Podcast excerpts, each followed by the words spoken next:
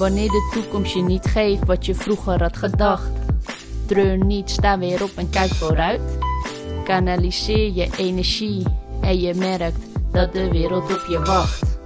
Luister met aandacht. Het kan zijn dat je iets leert waar je niet aandacht. Allemaal gevoelens en emoties. Geef deze emotie.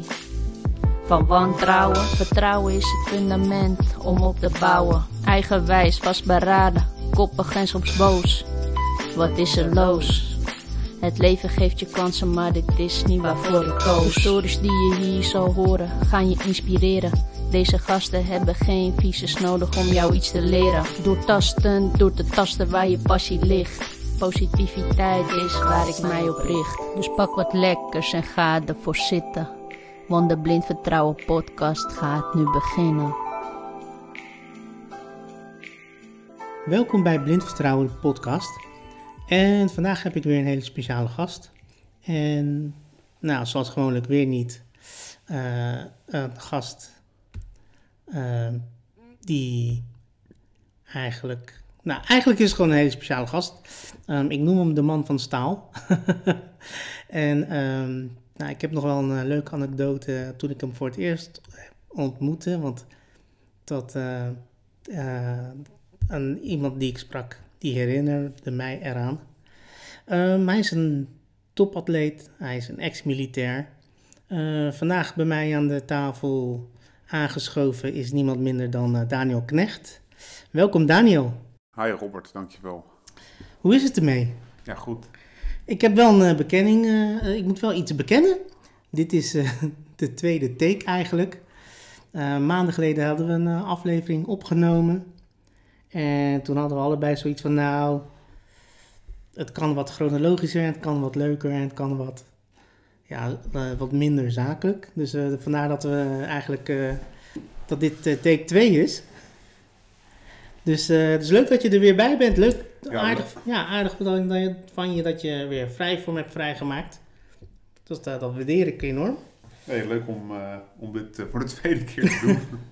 ja. Nee, maar het klopt. Het was een beetje te militaristisch, de antwoorden. Ja. Sergeant.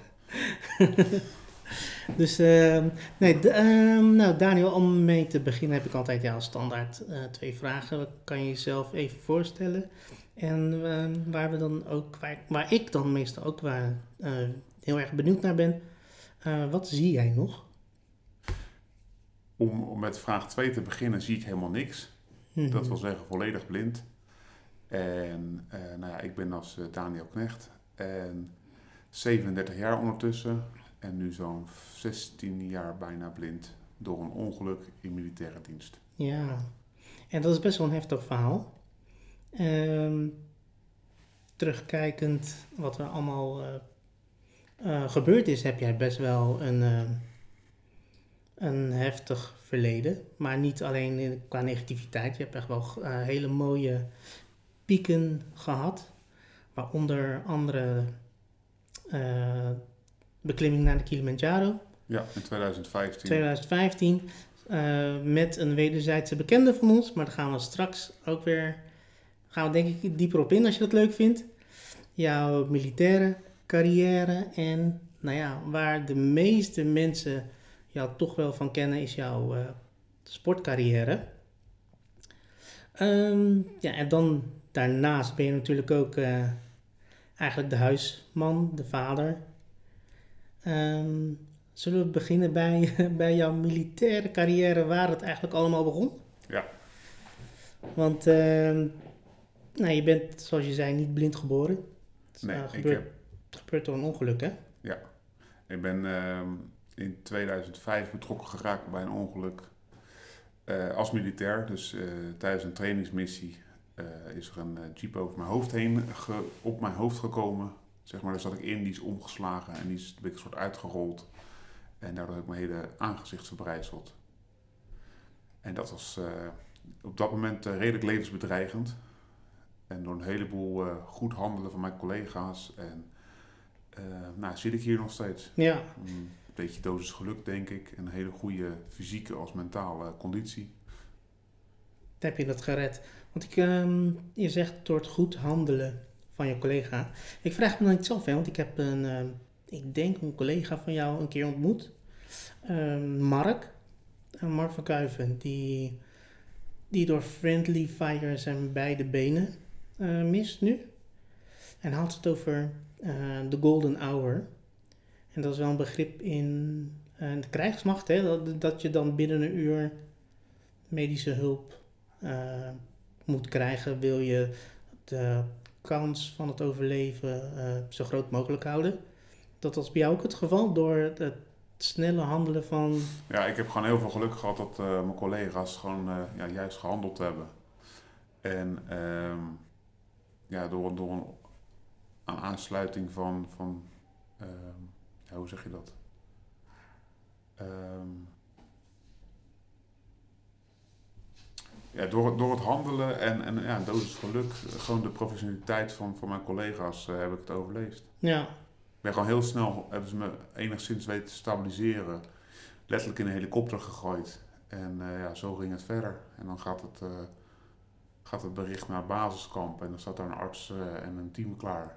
En er is een traumahelikopter eh aangeroepen. En zo ben ik in een ziekenhuis terechtgekomen. En dit was echt al. Dit was eh, op, eh, op een missie in het buitenland, toch? Ja, wel buitenland, maar niet in uh, oorlogsmissie. Het was een trainingsmissie. Ja. Je bent toen ehm, gerepatrieerd. Ja, ik heb een week in s- twee, of twee ziekenhuizen gelegen. Eerst in een wat, nou ja, zeg maar een regulier ziekenhuis en later een heel groot eh, universitair ziekenhuis. Omdat die gewoon vaak meer expertise hebben in huis. En daar eh, verder geholpen. Eh, mijn ouders zijn wel gelijk eigenlijk ingevlogen naar Nederland. Ja, Omdat mijn kans op overleven was eh, ja, vrij klein. Dus ik, mijn ouders zijn eigenlijk met de boodschap van eh, een soort afscheid nemen naar, naar, naar, naar buitenland gestuurd. ja, Het was, maar ja, ik heb voor mijn ouders en familie, zeg maar, en vriendin, is dat de meest heftige periode geweest. Ik heb niet zoveel van meegekregen. Uiteindelijk ben ik naar Nederland teruggevlogen met een speciaal vliegtuig. Of speciaal, ja, die was speciaal voor mij ingevlogen en die me mee teruggenomen. Met artsen en verpleegkundigen aan boord. En zelfs daar legde ik bijna het loodje, want ik, eh, mijn, eh, mijn zuurstofcanule was losgegaan, of losgetrild. En eh, ja, dat eh, heb ik zeker nog ruim twee minuten zonder zuurstof gezeten. Dat is niet echt bevorderlijk. nee. Eh, ja, ik, ik, ik vond de eerste keer al heftig. En ik zat van de week ehm, de beelden van jou terug te zoeken. Eh, want er staan een aantal interviews van jou online. En eh, daarin vertel je ook dat je echt wel een hele lange tijd eh, kunstmatig in coma bent gehouden. Ja, nou bijna drie weken. Ja. En ze, je hebt nou, ehm, jouw aangezicht was nou behoorlijk verbrijzeld. Ja, dat is Je echt wel een, voor de, ja, eh, ehm, om het te visualiseren ben ik echt wel letterlijk aan elkaar geschroefd. Ja, want je hebt toen echt heel veel operaties moeten ondergaan om eh, te reconstrueren. Dat klopt. Ze En- mijn, ehm, eh, van mijn onderkaak, aan de bovenkaak zeg maar, is helemaal aan elkaar vastgezet. En alles tussen mijn voorhoofd en mijn eh, tanden was, is eigenlijk deels opnieuw opgebouwd met ja, weer aan elkaar geschroefd. Ja, Dus er zijn een hoop, eh, toen destijds een hoop operaties eh, geweest. En eigenlijk eh, tot, tot drie jaar daarna ben ik regelmatig geopereerd plastisch. En nou, as we speak begint het circus weer overnieuw, want er moet wat een en ander eh, hoe je dat, gereconstrueerd worden weer. ja. Ik heb ook, ehm, ik heb ook een ongeluk gehad, ehm, waardoor uiteindelijk ik mijn rechterbeen mo- moet missen. En het was ook helemaal verbrijzeld en daarvoor hebben ze een stuk heup bij mij weggezaagd. Eh, en daar hebben ze dan in die tijd een enkel van gemaakt. Eh, maar bij jou is het, echt, eh, is het allemaal aluminium? Ja, het is het titanium volgens mij. Titaan, ja. oh. Ja, dat heb ik ook een tijd gehad, eh, met schroeven en platen. heb je dan ook toen last, heb, kreeg je daar ook last van als je er van koud naar warm? Ja, precies. ja. Zeg maar, als je vroeger op school zat en je kwam van, van de kou buiten naar binnen en je had van die rode oortjes dat iemand zo'n tik op je oortjes gaf. Ja, Nou, ja. dat gevoel. ja, precies. Ja, oh, herkenbaar. Je bent toen gaan revalideren. Ja, want je hebt best wel een hele lange nou ja, revalidatie gehad. Hè? Want je hebt heel lang in het ziekenhuis gelegen. Nou, eh, uiteindelijk maar vier weken hoor. Oh, Totaal. Ik ben, toen ik bijkwam, heb ik nog een week in het militaire hospitaal gelegen. mhm. Maar omdat ik vooral eh, heel erg moest aansterken. ehm, en ik sliep niet in het ziekenhuis. En sowieso mijn vriendin als mijn moeder werken allebei in de, in de zorg. ja. Ja, ben ik weer een soort naar huis gestuurd. Omdat je ja, thuis beter kan revalideren. best, het beste weer eh, herstelt. Ja, want dat vond ik, eh, nou ja, eh, ik, eh, ik vond dat verbazingwekkend, want je hebt toen gekozen om thuis te revalideren omdat je ah, vriendin en je moeder dus in de zorg staan. Die hebben dus gewoon echt de zorg van, eh, de zorg op zich genomen. Nou, een leuk detail is dat ze dus, dat hebben ze mij nooit verteld toen, maar achteraf pas, mijn moeder of mijn vriendin liep met een soort eh, tangetje om hun nek, aan een kettingje, eh, omdat mijn kaken op elkaar geschroefd waren. En als ik zou moeten spugen, ja. dan kan dat, ja, dus voor de mensen die het eten, sorry, maar dan kan dat niet weg. En dan stik je dus letterlijk in je eigen braaksel. Dus die hadden dus een tangetje om zo snel mogelijk dan dat, die, stel, die stellage eh, los te kunnen knippen. Maar goed, het is maar goed dat ik dat allemaal op dat moment niet besefte en niet wist. Nee. Ook gewoon nooit echt over nagedacht. Maar het was wel een hele heftige periode met... eh, ja, ik weet, sommige dingen zijn ook echt wel letterlijk een zwart gat. Mhm. Sommige dingen ga je ook zelf invullen, ook in het ziekenhuis. Ja, wel meest, ja, eh, misschien wel invloed van de medicijnen en zo, wel de meest wazige dingen herinner ik me soms. Maar je krijgt ook een heleboel informatie van de mensen die, ze, die verteld wordt. Dus op een gegeven moment weet je ook niet meer wat je zelf hebt meegemaakt of wat men je verteld heeft. Ja. Dat, dat vind ik wel heel lastig. En, en een heel gek detail is dat ik nooit geweten heb dat ik blind was. Toen Nee, ik- want ik eh, hoorde dus ook terug, ehm, ik denk in een YouTube filmpje, dat je dacht dat er verband om je hoofd zat. Ja, dat zat het ook, maar aan één kant. Mm. En ik, ik hoorde ook, dat heb ik ook denk ik twee keer gehoord, van, eh, dat toen je de mededeling kreeg van eh, Ja, dat was, ja, dat was ik, heb, ik heb een keer mijn hoofd gevoeld en het is overal, je moet je voorstellen, hè, ja, je hebt zo ook het ziekenhuis gelegen, maar voor de mensen die luisteren, eh, overal zitten slangen. Je hebt Ja. infuus, ehm, nou, ik, heb een, ik had een, zat aan de beademing, dus er zat een slang uit mijn, uit, mijn keel en hele, hele bende. De, hele circus was paraat. En je bent dan onder de medicijnen, dus je weet ook niet zo goed waar je terecht komt. Je voelt eh, verschillende luchtstromen langs je heen, machines piepen, alles kraakt. Dus dat is wel even een beetje een gekke gewaarwording als je wakker wordt. En dan heb ik aan mijn hoofd gevoeld en er zat wel degelijk verband op, maar aan één kant. Ja. Dus na een aantal dagen, toen zou de oogarts komen. Maar ja, mijn familie was constant in- eigenlijk bij me. En hing toch een soort, soort ja, eh, hoe zeg je dat? Toch een soort sfeer? sfeer, ja, een gevoel, noem het. Dus ik zeg op een gegeven moment, zo meteen komt de oogarts en dan gaat de verband er eindelijk af. Ja, toen viel er echt, echt een doodse stilte. Daar weet ik ook eindelijk van wat ze met een doodse stilte bedoelen. Nou, En toen zei mijn moeder van ja, eh joh luister eens, ehm voel eens goed, er zit geen verband om je hoofd, je bent blind. Ja, dat was wel even een, eh, een momentje zeg maar. maar wat zei je toen? Het eerste wat ik zei is, heb ik er nog een toekomst? En daarop gelijk volgde, en nu krijg ik een hond. ja. En dat is ook letterlijk gelukt, want tegen alle protocollen in heb ik de aanvraag van mijn blinde geleidehond volgens mij nog een dag later op datzelfde bed ingevuld. Toen wisten we nog helemaal niks van blind zijn of eh, de dingen die ons te wachten stonden. Ehm, nou, er kwamen ook allemaal hoge officieren, eh, liep het ziekenhuis plat met mooiste beloftes van Defensie zorgt voor je en Defensie doet. Ja. Ehm, heb ik achteraf wat moeite mee gehad. Of tenminste, hun hebben wat moeite mee gehad om die beloftes te- na te komen. Laat ik dan zo heel voorzichtig uitdrukken. Ehm, maar die hond die hebben we daar ter plekke geregeld. Ja. Want je hebt een, nou ja, een grote liefde voor dieren. Ja, altijd wel gehad. En ik had als kind eh, eh, gewoon honden om me heen thuis. Ben me opgegroeid. Dus ja, maar gewoon naar mijn werk. En nou ja, goed, je, kan niet dat, je moet wel voor een hond kunnen zorgen. Maar dat was eigenlijk het enige wat ik van een blinde wist. is die blinde geleidehond. Ja. Ja, en die stok misschien, maar vooral die blinde geleidehond vond ik altijd reuze interessant. Of, of interessant, maar gewoon een, een ja, bijzondere samenwerking, want het valt wel op. Ja, klopt, ja.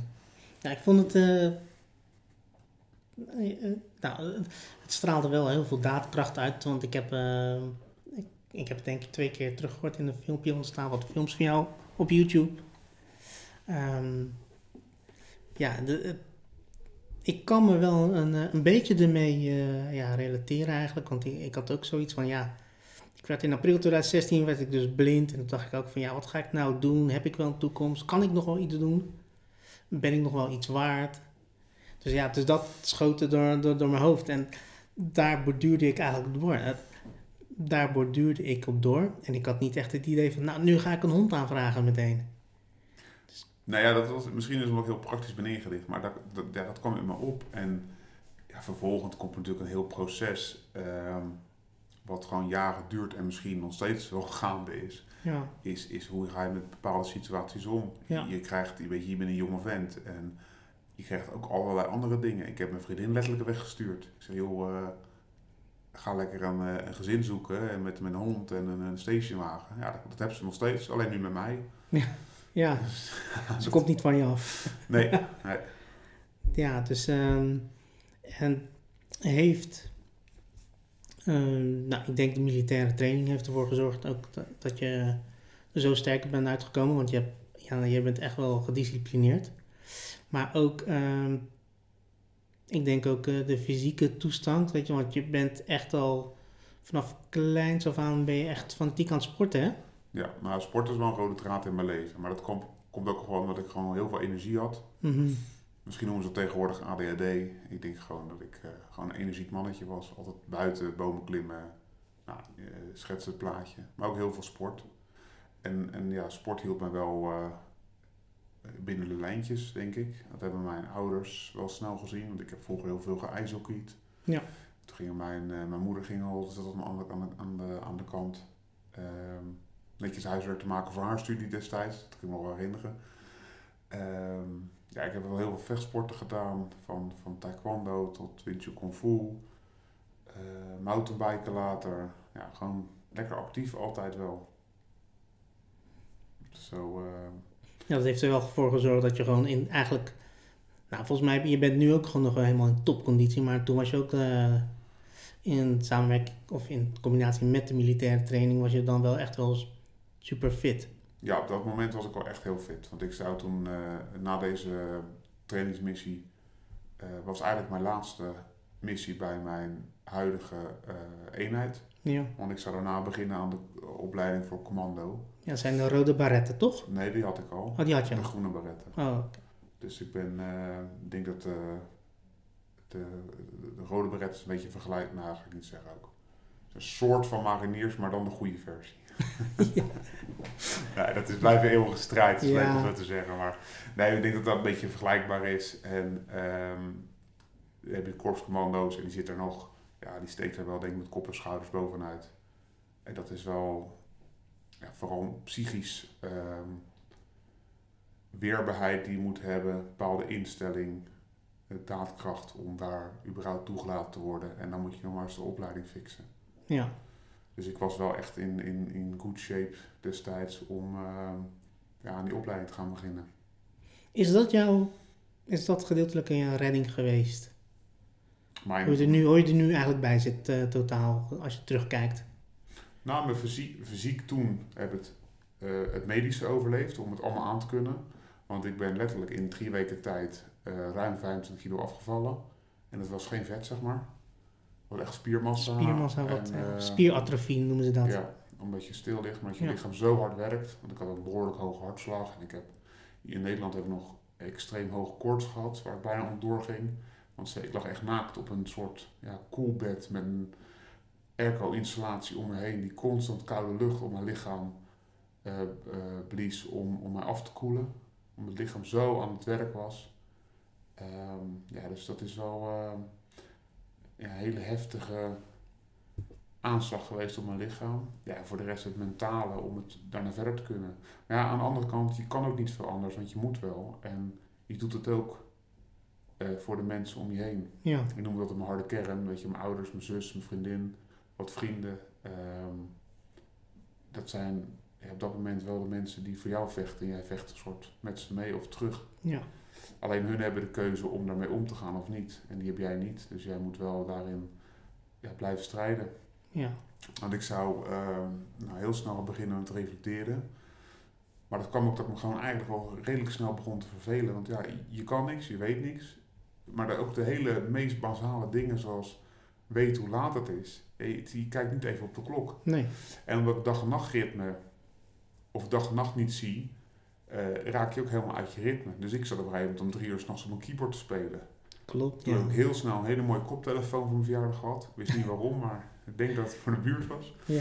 Want mijn eh muziektalenten zijn, eh, zijn ver te zoeken. Ehm, dus ja, ik ben wel... ehm, eh, weet je, je, je- ja, zo'n kleine dingetjes zoals een sprekend horloge destijds. Dat was gewoon een redmiddel en een, ehm, om, om weer ritme te vinden. En omdat ik militair was, zou ik naar het militaire revalidatiecentrum gaan. Alleen daar ja, hebben ze gewoon geen ervaring met blinden gezien. Dus zo zijn ze verder op zoek gegaan en ben ik in Apeldoorn bij het LORF terechtgekomen. En dat is een, eh, een instelling, of oh ja, instelling, een revalidatiecentrum voor mensen met een visuele beperking die op latere leeftijd blind zijn geworden. En ik weet, ik heb er heel veel geleerd, maar of dat nou tijdens de lessen is geweest of juist van de mensen eromheen, want je zit daar intern vijf dagen in de week, vind ik altijd heel moeilijk om te zeggen. En dat Ja, is niet om de, om de medewerkers daar af te vallen of te beledigen of geen idee. Maar het is wel om te vertellen van, ja, je lotgenotencontact is wel erg belangrijk. Ja, ik heb er ook zelf 56 weken gezeten. Ehm, ik denk dat het bij mij een beetje 50-50 is. Ik heb de helft eh, daar geleerd, weet je, de praktische dingen. Maar heel veel heb ik ook gewoon van lotgenoten contact geleerd.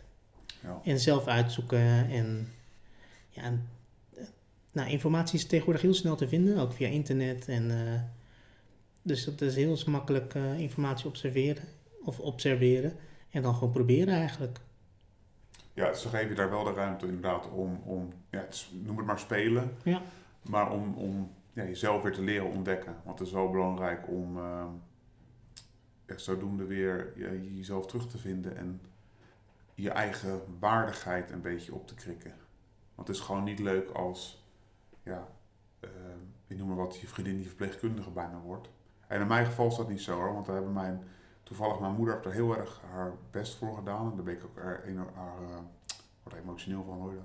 Daar ben ik haar echt dankbaar voor.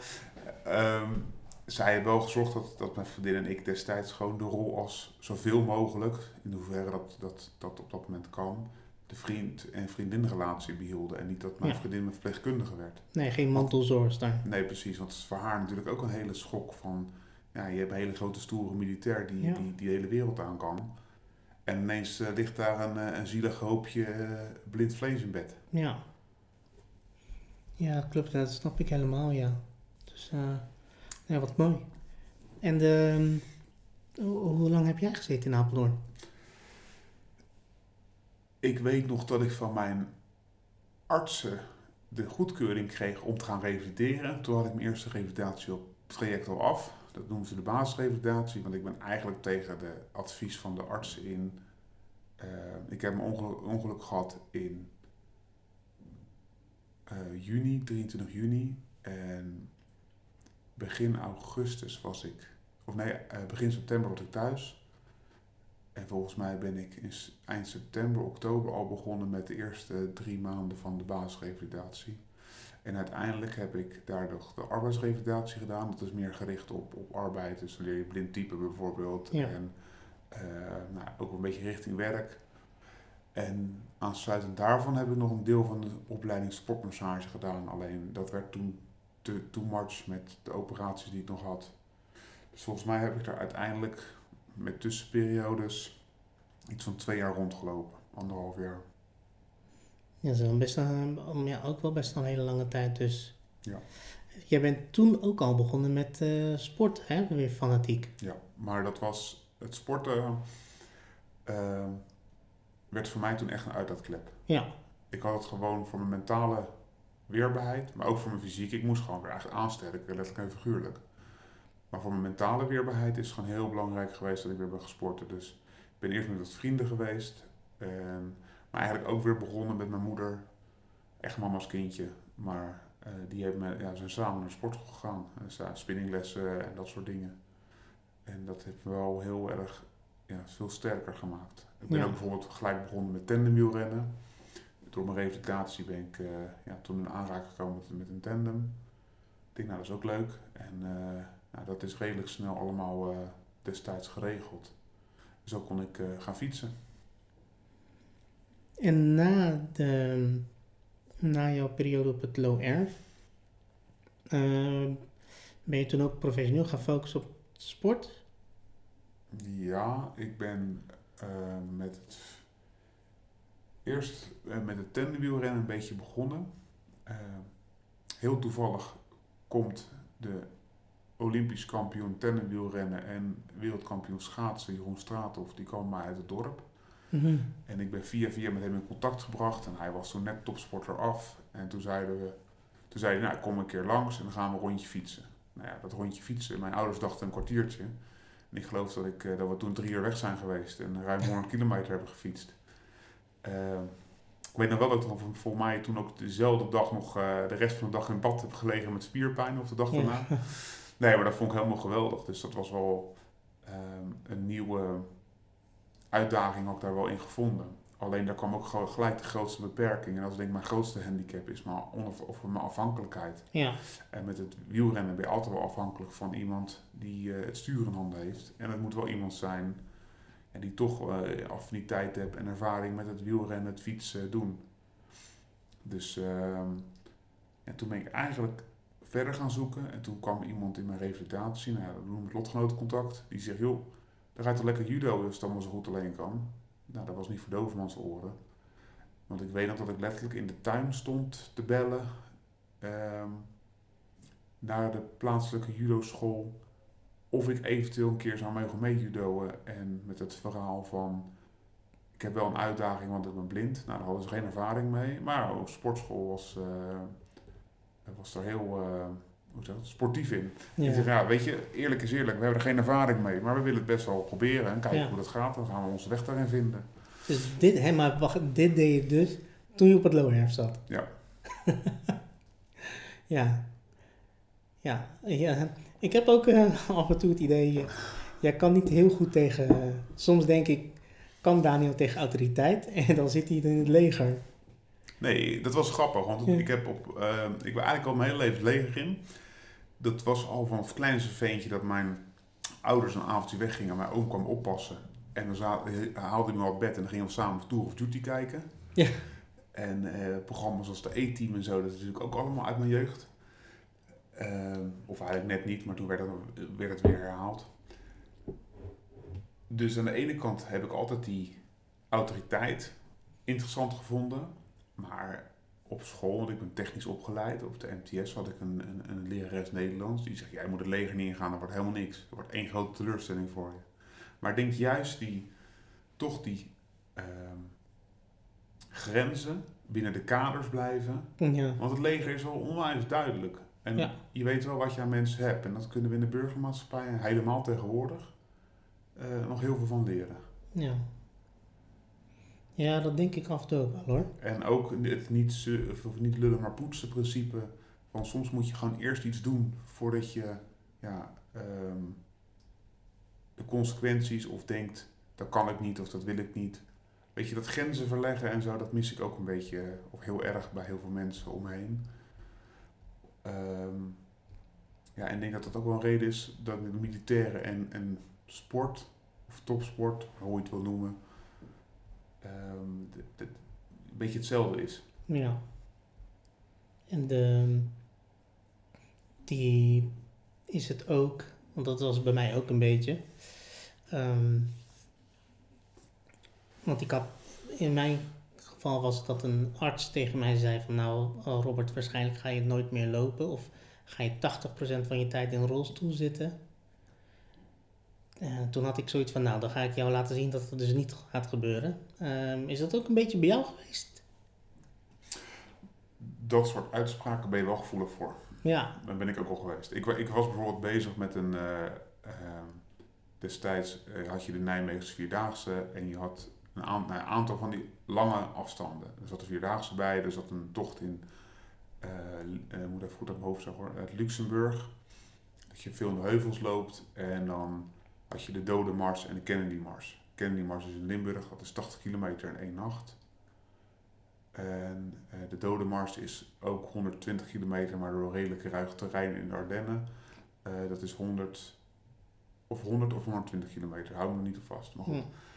Dat was eigenlijk een soort eh, ja, eh, Magic 4 die we wouden gaan doen.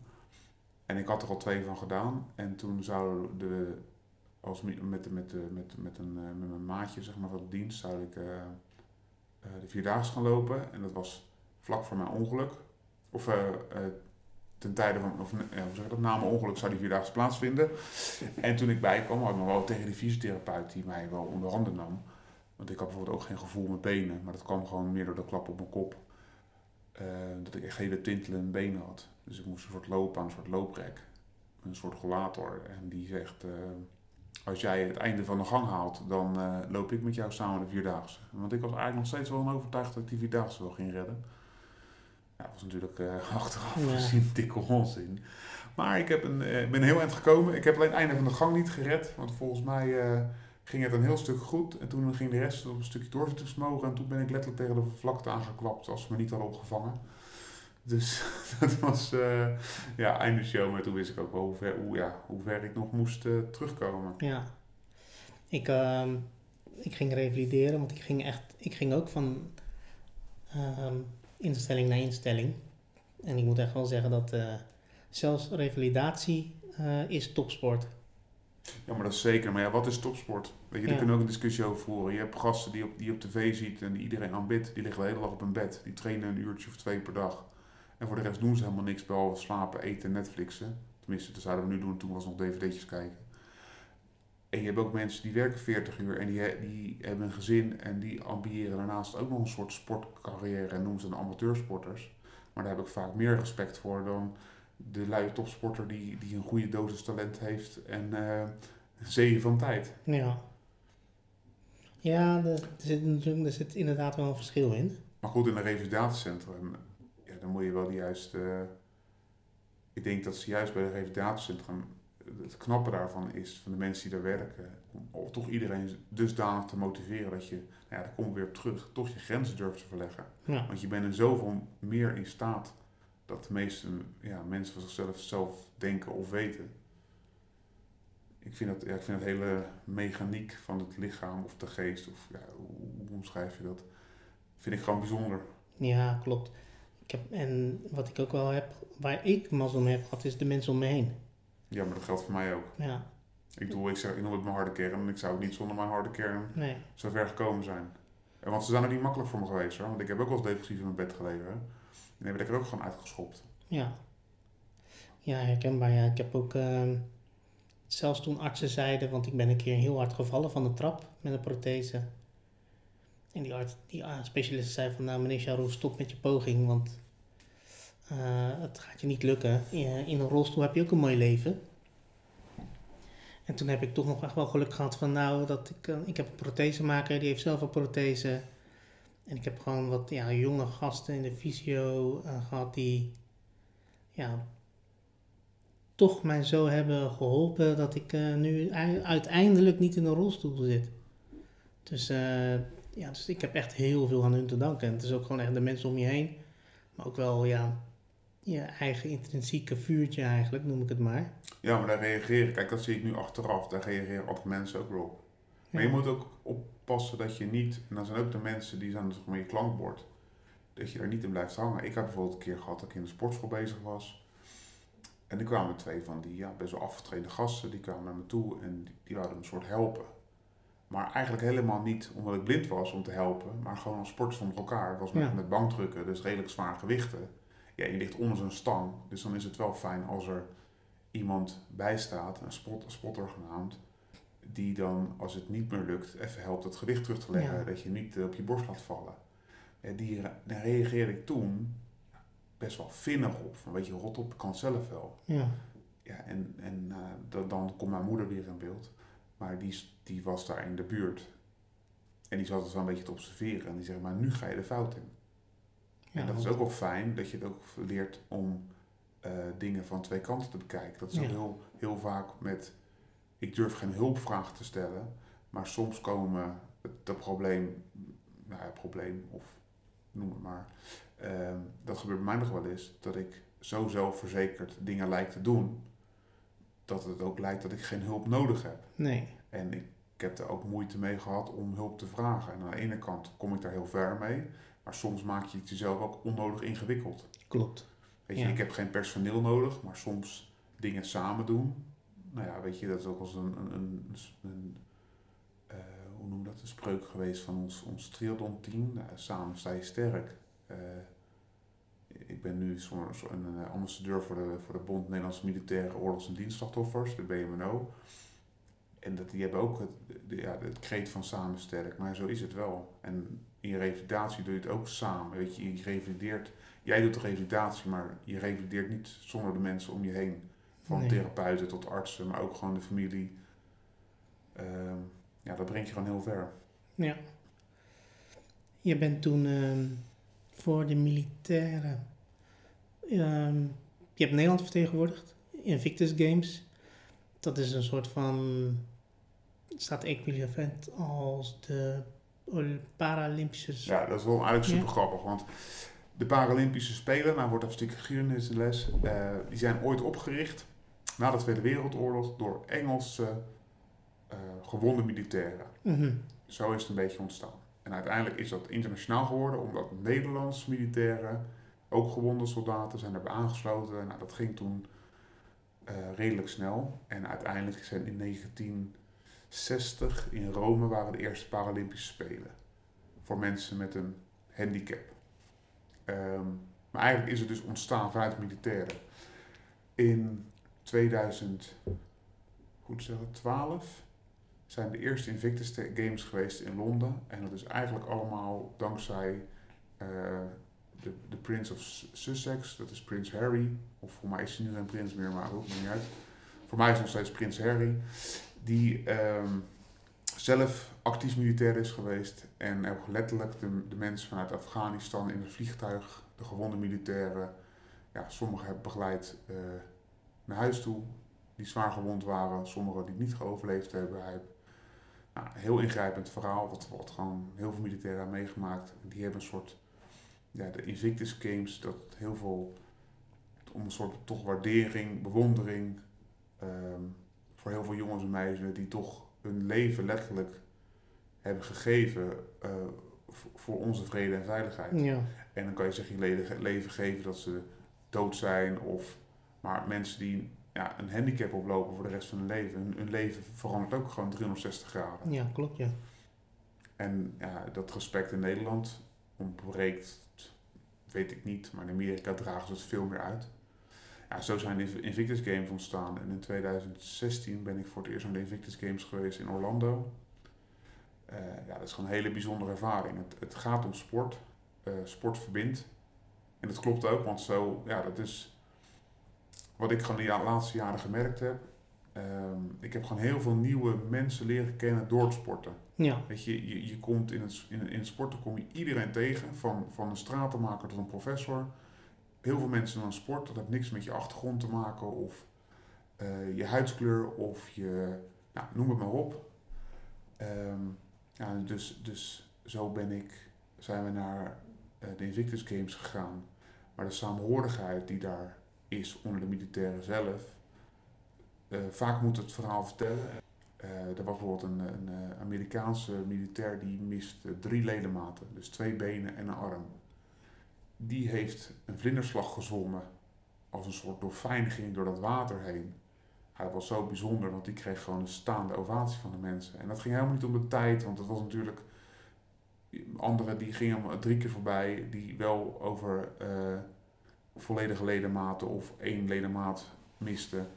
Maar zo'n doorzettingsvermogen en een daadkracht. Nou, je moet het Ja. ook maar durven om met één arm... Ja, zo'n Letterlijk- afstand te zwemmen. Nou, maar let ik het water in te duiken. Want wie haalt je eruit? Wie zit, snap je? Ja. dus ja, dat is echt eh, hele bijzondere sfeer hangt daar.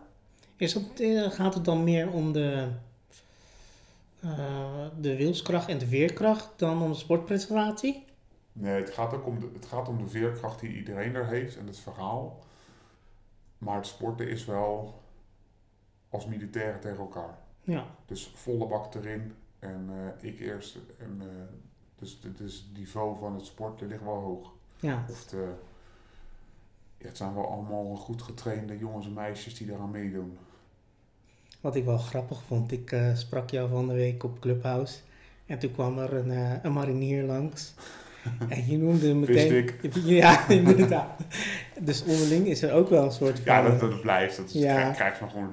Dat, is, dat, is, eh, dat, zie je, dat zie je trouwens ook wel wereldwijd. Dat is ook leuk met de Engelsen en de, de Duitsers, de Fransen, de Amerikanen. Ook daar heerst gewoon die gezonde concurrentie. Ja. het zo zeggen. Maar het houdt je scherp en dat ik denk dat het goed is. En misschien ook weer een klankbord naar elkaar toe. Ja, wat ik ook wel mooi vond, want jullie zeiden toen ook weer allebei tegelijk.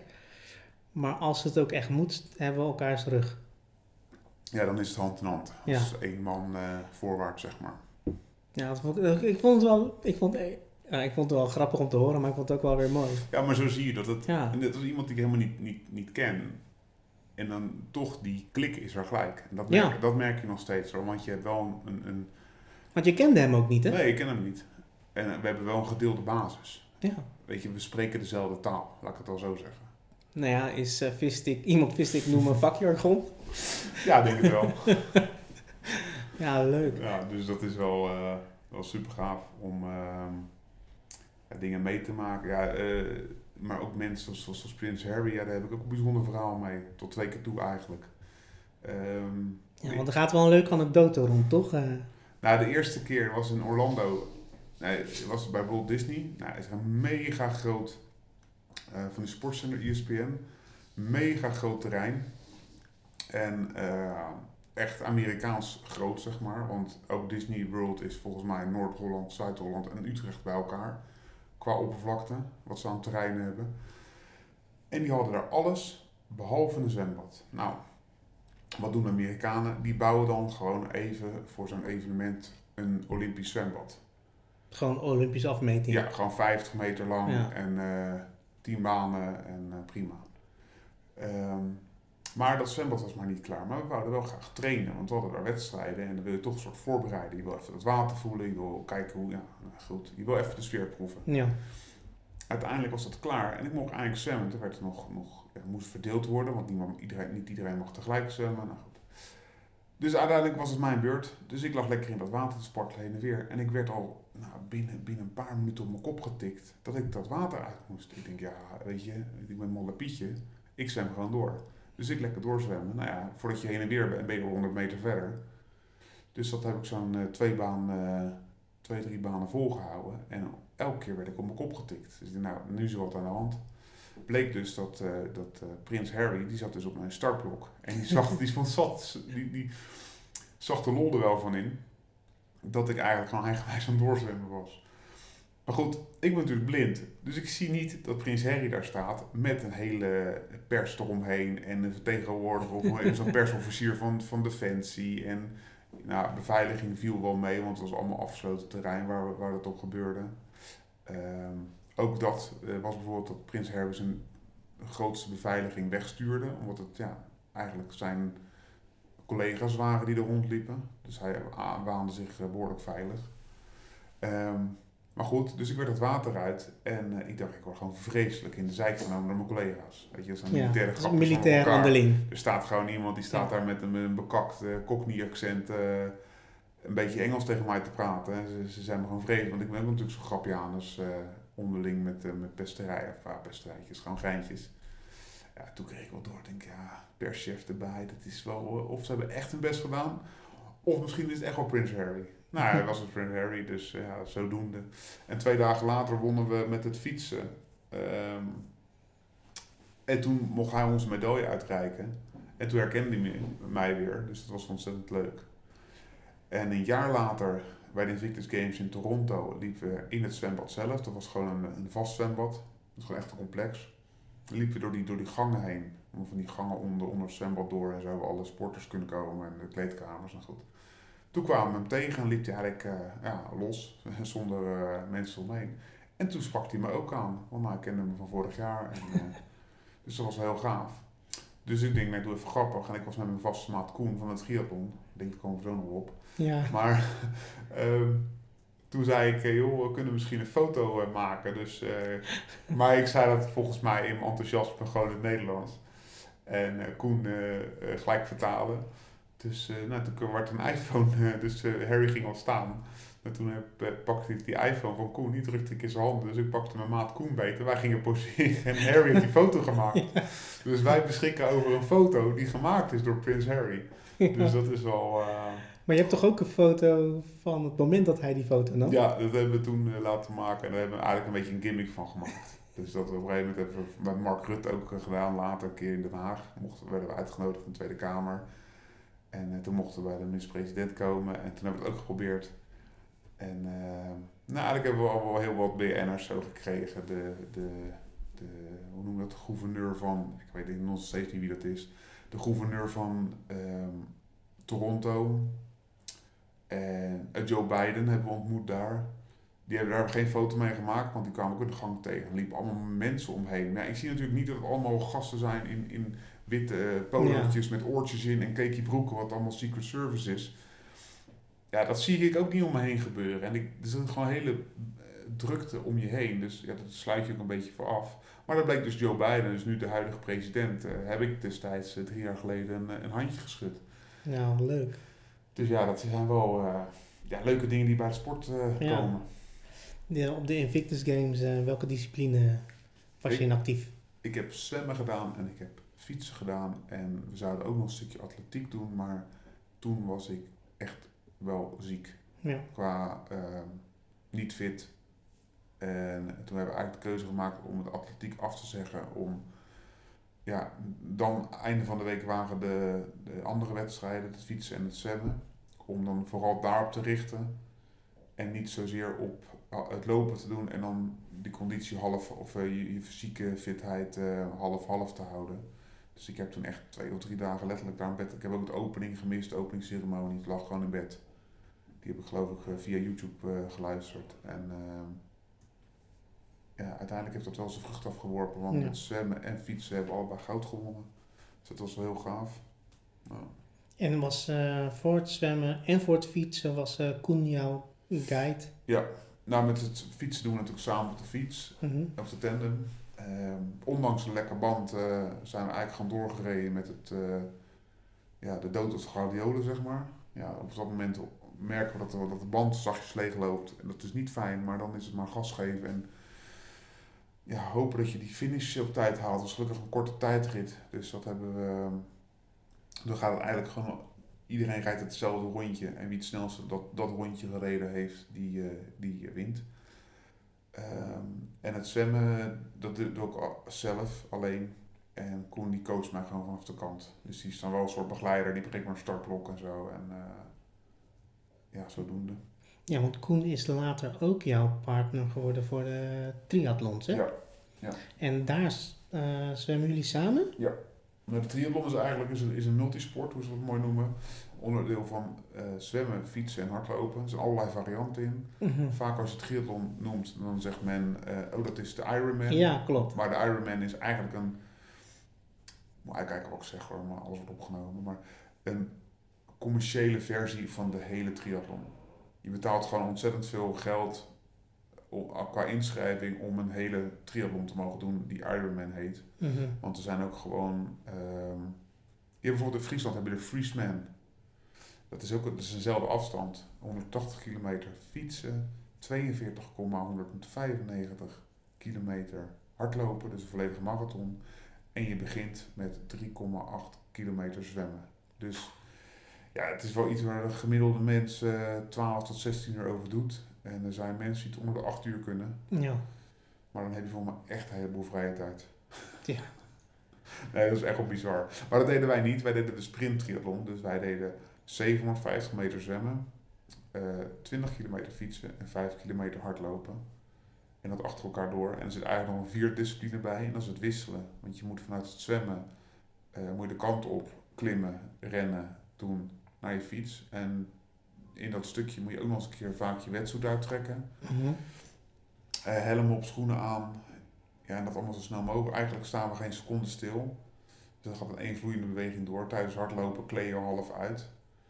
En dat dan ook nog samen en dan met blind vertrouwen is wel een... ehm, ja, het is een soort uh, like Dennis in de tango samen, zeg maar. Ja. ja, dan moet je echt wel heel goed kunnen vertrouwen op degene met wie je dit, eh, dit doet, hè? Ja, er zijn er niet veel mensen die dat kunnen. En ik heb daarin eh, Koen eh, destijds echt een, eh ja, een gouden vent gevonden. Ja. Ook qua persoonlijkheid. Want ook het niveau van sporten moet hij eigenlijk iets beter zijn dan mij. Maar hij mag ook geen professional zijn. Nee. Want als hij prof is, dan ik krijg je een soort belangenverstrengeling. En ehm, helaas doen andere landen zijn daar wat minder eh, strikt in. Mhm. Maar in principe zijn de regels dat je geen pro in jouw eh, discipline Discipline mag mag, zijn. mag zijn. Maar wat ik Ja. snap, hè? Ehm, want Koen ging ook mee naar het Invictus Game, maar hij is burger. Ja, maar dat is heel bijzonder van Koen. Maar dan moet je eigenlijk gewoon een keer een interview met Koen houden. Ik denk dat het ook heel erg leuk is. Maar hij is... Hij heeft echt letterlijk in de keuken mogen kijken van Defensie of van zo'n groep. Noem het maar een paarse groep. Want ook wij van Invictus is alles bij elkaar. Er zitten commando's tussen. eh, er zitten mensen van de transport tussen. Er zitten mensen van de marine, van de luchtmacht, van de marechaussee. Dus uit alle windhoeken van, van de krijgsmacht die we in Nederland hebben, die komen dan samen. Ja. En allemaal met een bijzonder verhaal. En ja, Koen is de enige burger eigenlijk die mee is geweest en die is, dat van zo dichtbij heeft mogen aanschouwen. Ja. En dat is denk ik wel een hele bijzondere ervaring voor hem geweest. Ja, want, de- nog, ehm, want het is eigenlijk alleen maar voor krijgsmacht, door krijgsmacht. En nou, normaal is, dat, normaal is het ehm, niet gebruikelijk dat een burger nee, zeker niet. eh, meedoet met de sporten. Maar ik heb ook nog, we hebben in het begin geprobeerd om ehm, een begeleider vanuit Defensie te zoeken. Ja, het gaat letterlijk om blind vertrouwen. Dus je kan niet zomaar iemand uit de kast trekken. Daar zit wel een voorbereiding in. Weet je, ik ben ook wel eens gevraagd voor wethouder, door wethouders en mensen met een publieke functie. Die willen dan een stuk gaan hardlopen voor een evenement of zo. En dan, die komen dan een week van tevoren aan. Hoe kunnen we dat niet even samen doen? Misschien leuk voor het plaatje of zo. Ja. Dan word je als, nou, tussen aanhalingstekens gehandicapten neergezet. Nou, daar ben ik al helemaal niet van. Maar dat, zo werkt het ook gewoon in de praktijk niet. Nee. Het is, nee. het is wel teamwork. Het is echt teamwork, puur zang.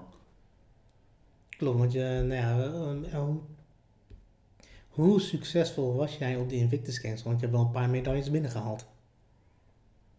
Ja, de enige die ik niet heb is zilver. Eh, zo, heb ik er zes goud totaal. Ja, vier, twee en vier en twee keer brons volgens mij. In het fietsen, tijdrijden en eh, verschillende onderdelen van zwemmen. Ik weet het nog ineens uit mijn hoofd, maar dat, daar doe ik het eigenlijk niet zo goed voor.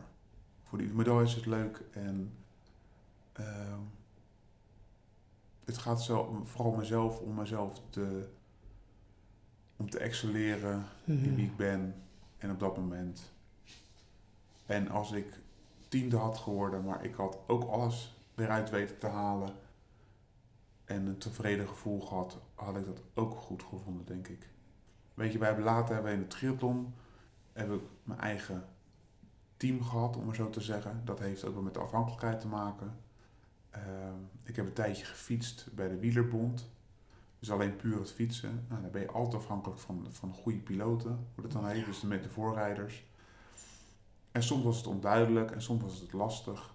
En daar valt en staat eigenlijk je hele prestatie mee. Weet je, je kan zelf in topvorm zijn. Maar je moet ook een piloot hebben die in topvorm is. En het moet nog eens klikken. Ze zeggen wel eens op de tender moet 1 en 1 moet 3 worden. En dat is gewoon, er moet er gewoon een bepaalde chemie zijn om ehm, ja, het beste uit elkaar te halen. En uiteindelijk uit die fiets. Weet je, die fiets is één. Maar je moet die samenwerken doen. Want ze hebben in het verleden, niet bij mij hoor, maar ze hebben topatleten samen op een fiets gezet. Nou, daar werd helemaal niks. Nee. En, en op papier minder atleten, die reden ze straal voorbij, omdat die dan toch beter kunnen samenwerken. Ja, want ik heb een stukje film van jou gezien. En ehm, Koen heet hij toch? Ja. Dat Koen jou eigenlijk vertelde wat er 10 meter voor jullie gebeurde. Dus eh, ja, we gaan hier naar beneden en over 50 meter gaan we schuine helling 6 meter omhoog.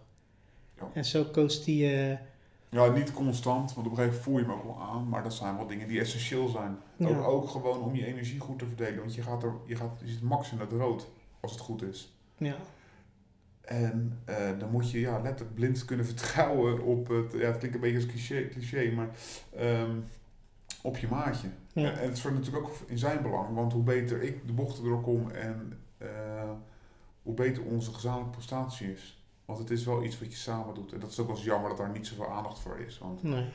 hij wordt dan officieel gezien als begeleider. Maar ja, het is echt een, een ja, pure samenwerking. Ja. En ehm, ja, zodoende. En ehm, je had ook een Olympisch droom of een Paralympisch droom. Ja, en, ehm, Andere discipline. ja, dat was de triathlon. Ja. Eh, in 2015 ben ik begonnen met eh triathlon. Toen zou het in 2016 al Paralympisch worden. Want dat is, ja, dat is een heel ingewikkeld verhaal. Maar goed, er worden een aantal sporten uitgekozen om een medaille-event te, te Ja. mogen zijn. Er zijn maar zoveel medailles te verdelen. En daar wordt er met sporten ja, om de vier jaar of om de acht jaar wordt bekeken welke sporten Er worden sporten bijgezet en sporten Ja, geschrapt. Ja. ja. Eh, er zijn al verschillende klasses, want iemand in een rolstoel eh, kan je niet tegenover iemand zeggen dat die blind is. Nou, Weet je, dus ook daarin zijn de, de handicaps of de beperkingen, die worden onderverdeeld. Dus je krijgt gewoon, bijvoorbeeld in de triathlon had je al zes klasses. Weet je, twee rolstoelklasses, ehm eh, blinde slechtzienden dan, eh, mensen met amputaties, maar dan heb je weer een beenamputatie of een arm, armamputatie. Is het onder de knie, is het boven de knie? Het is een vrij ingewikkeld systeem. ja. Nou goed, en je wil nog steeds een kwalitatief hoog niveau behouden. Want het is wel het hoogste van ja, blijvende Olympische slash Paralympische Spelen. Ehm, dus daar wordt ja, eh, do- door, de, door de bobo's druk over vergaderd. ja. Ja, wij hebben toen eh, onze, onze pijlen gericht op, eh, op Tokio. En eh, het heeft heel lang geduurd totdat het officieel werd. Volgens mij zelfs tot 2018 wisten we eigenlijk pas dat onze eh, droom werkelijkheid zou kunnen worden überhaupt. Dat de weg vrij was om naar de Spelen te kunnen. Dat onze klasse, eh dit was dan de PTVI Man, dus dat is de Paratriathlon Visual Impaired Man. Ehm, ja, ook daadwerkelijk een medaille-event zou worden op Tokio. Maar toen waren we al ruim twee jaar bezig. ja. En ja, door het verleden, eh, de ervaring, heb ik gewoon met mensen om mij heen, ook weer vanuit de sport, de, mijn sportvrienden, zijn we gewoon een team begonnen. Om het ja, zo goed mogelijk alles zelf te regelen. Want bij topsport komt gewoon ontzettend veel kijken. Eh, naast de training eh, is triathlon echt een materiaalsport. Dus Ja. je fietsen, je Het is hard- niet goedkoop ook. Zeker niet, zeker niet. Nee, En het vervoer is ook soms al lastig. nou dat. Dat is ook een eh, hele gave uitdaging waar ik ontzettend ja, nou, wel trots op ben dat ik daar toch een soort pionier in ben geweest. Ja. Ehm, wij hebben een keer, we zijn naar een wedstrijd gegaan in Zuid-Afrika eh, met Lufthansa. En jouw fiets kwam niet aan. En mijn fiets kwam niet aan. Hij, sterker nog, hij is uiteindelijk nooit vertrokken Ja. van Schiphol. Eh, want hij paste letterlijk in het vliegtuig. Ja, je lacht je dood. Maar we gingen dus met een soort cityhopper richting München. En van München naar eh, Johannesburg. En de, de verbinding tussen Schiphol en München was een soort... Ja, ik, noem het, ja, ik weet niet zo goed hoe je die vliegtuigen moet noemen. Maar dat is dan een kleine, kleine, kleiner vliegtuig waar vooral passagiers in zitten. Met een koffertje. Ja. En die niet gericht is op handbagage. Maar het luikje was te klein. Dus de fietsen konden gewoon niet te draaien maken om erin te kunnen. Ja. Ik dacht eerst, dit is de beste 1 april grap. Of waar is Kenneth heel, het, Camera? het klinkt heel knullig. Ja, maar dat is het ook. En, en dan, dat loopt een beetje uit de hand op een gegeven moment op zo'n ehm, vliegveld. Met de grondstewardessen die... die ja, je, denkt, je gelooft het gewoon niet. Het klinkt gewoon te, te, te bizar voor woorden dat zoiets kan. Ah, uiteindelijk hebben we de, de, de fietsen eh, heel snel met een cargo moeten versturen. Nou, ik geloof dat we 1300 euro moesten aftikken. even te plaatsen. En die halve fietsen uit elkaar moesten halen. Want er zat, uh, omdat je tegenwoordig heb je elektronisch schakelen op de fietsen. Ja. Het is trouwens geen trapondersteuning hoor, voor de mensen die dat denken. Maar uh, er mogen geen batterijen in zitten, want dat is weer met terrorisme, bla bla. Nou goed, een lang verhaal kort te maken, want het is een lang verhaal. Wij staan in, uh, in Zuid-Afrika en geen fietsen. wij waren in Zuid-Afrika en nog steeds geen fietsen. Wij bellen, Nederland bellen. Nou, dat is best lastig, want je zit met te telefoonverbindingen. Ja. Nou goed, uiteindelijk zag het er maar uit dat we geen fietsen zouden krijgen. Dus we zijn letterlijk daar gaan rondbellen. Uh, in Zuid-Afrika, ex-kampioenen uit het verleden, via fietsverenigingen, clubs. Nee, je bent helemaal niet bekend daar. Um, nou, heel, weer heel mooie mensen leren kennen. Uh, fantastische verhalen voor nu, maar voor een wedstrijdvoorbereiding is het nu helemaal... Is het heel helemaal, stressvol. Ja, het is helemaal niks natuurlijk. Je slaapt bijna niet en uh, goed. Uiteindelijk ben ik letterlijk bij een, bij een Zuid-Afrikaan in zijn Mercedes gestapt. En uh, dat viel me op, want het was best wel een luxe auto. En toen zijn we ergens het, nou, ik wil niemand beledigen, maar een soort het platteland opgereden. Of leek wel uh, letterlijk de, de jungle in. Hoe noem je dat? De savanne op. En toen kwam er een heel groot hek ineens. Een hele lange oprijlaan. En dat was dus van een, een vriend van hem, en dat was ook een Zuid-Afrikaan. En die had dus een, een schuur vol met oude. Uh, fietsen. Maar met oude fietsen bedoel ik geen barrels, maar echt gewoon de stalen racefietsen uit de jaren 80, solo fietsen. Die, nou, ik denk, die ook heel zwaar zijn. Ja, heel, nou, ja, maar daar wordt grof geld voor betaald nu, zulke fietsen. Ik weet, alleen niet meer waar het is, anders zou ik al graag nog een keer in contact willen komen met deze. Nee, maar deze natuurlijk op tandem staan. En we zijn dus, uh, we hebben die tandem mogen lenen en toen heb ik hebben bij een plaatselijke fietsenmaker hebben we dat die hele tandem staan opknappen naar in hoeverre dat kan. Want die heeft gewoon de hele tijd stilgestaan. Dus alles nagelopen, ketting zo schoon mogelijk. Nou, het hebben we wel die wedstrijd uiteindelijk kunnen doen. Maar ja, de wedstrijdvoorbereiding was helemaal niks. Nee. En uh, we durfden ook niet zo hard af te dalen, want die banden waren best wel uitgedroogd. Maar er waren geen goede banden voorradig. En nou goed, allemaal heel, heel veel verhaal, maar ik denk dit wil ik gewoon niet meer. Dit is geen topsport, dit is gewoon een soort, uh, een soort stressvolle vakantie. Ja. Ja, en toen ben ik eens gaan denken met de mensen omheen. En toen denk ik, ja, wie, wie vervoert, uh, wie, wie, vervoert dit soort dingen wereldwijd? Toen kwamen we al heel snel uit bij DRL. Via via heb ik de, de, de baas van Nederland, uh, DRL, uh, te pakken weten te krijgen. En eigenlijk gewoon de uitdaging voorgelegd, joh, mijn naam is Daniel, ik ben blind, ik heb een Paralympische droom. wij racen over de hele wereld met een tandem, maar die krijgen we niet op plaats van bestemming. Jullie wel? Vraagteken. Nou, daar hebben ze eigenlijk, uh, zijn we gesprekken en, uh, op toegehad. En toen hebben we een hele mooie koffer gemaakt. En die is eigenlijk de hele wereld rondgevlogen op kosten van DL. Dus Ja, dat is een geweldige ge- sponsorship. En ook fantastisch dat een bedrijf als DL, wat gewoon eigen vliegtuigen heeft, en dan kan je zeggen dat is een heel groot bedrijf, en dat is het ook wel, maar toch de moeite neemt om ja, eigenlijk echt op microniveau, misschien wel nanoniveau, voor hun zo'n project te doen. Want, Ja. want we hebben wat meegemaakt hoor in de tussentijd. Ook met douanes en met externe vervoerders. Want die fiets die is letterlijk op, van, van Canada tot in eh, Tasmanië, dat is een eiland onder Australië, eh, is die aangekomen. Dus dat was bijzonder knap. Ja, het, eh, want dat vond ik ook wel mooi. Je, je hebt toen ook wel heel veel geluk gehad dat de persoon in kwestie gek was op wielrennen, toch?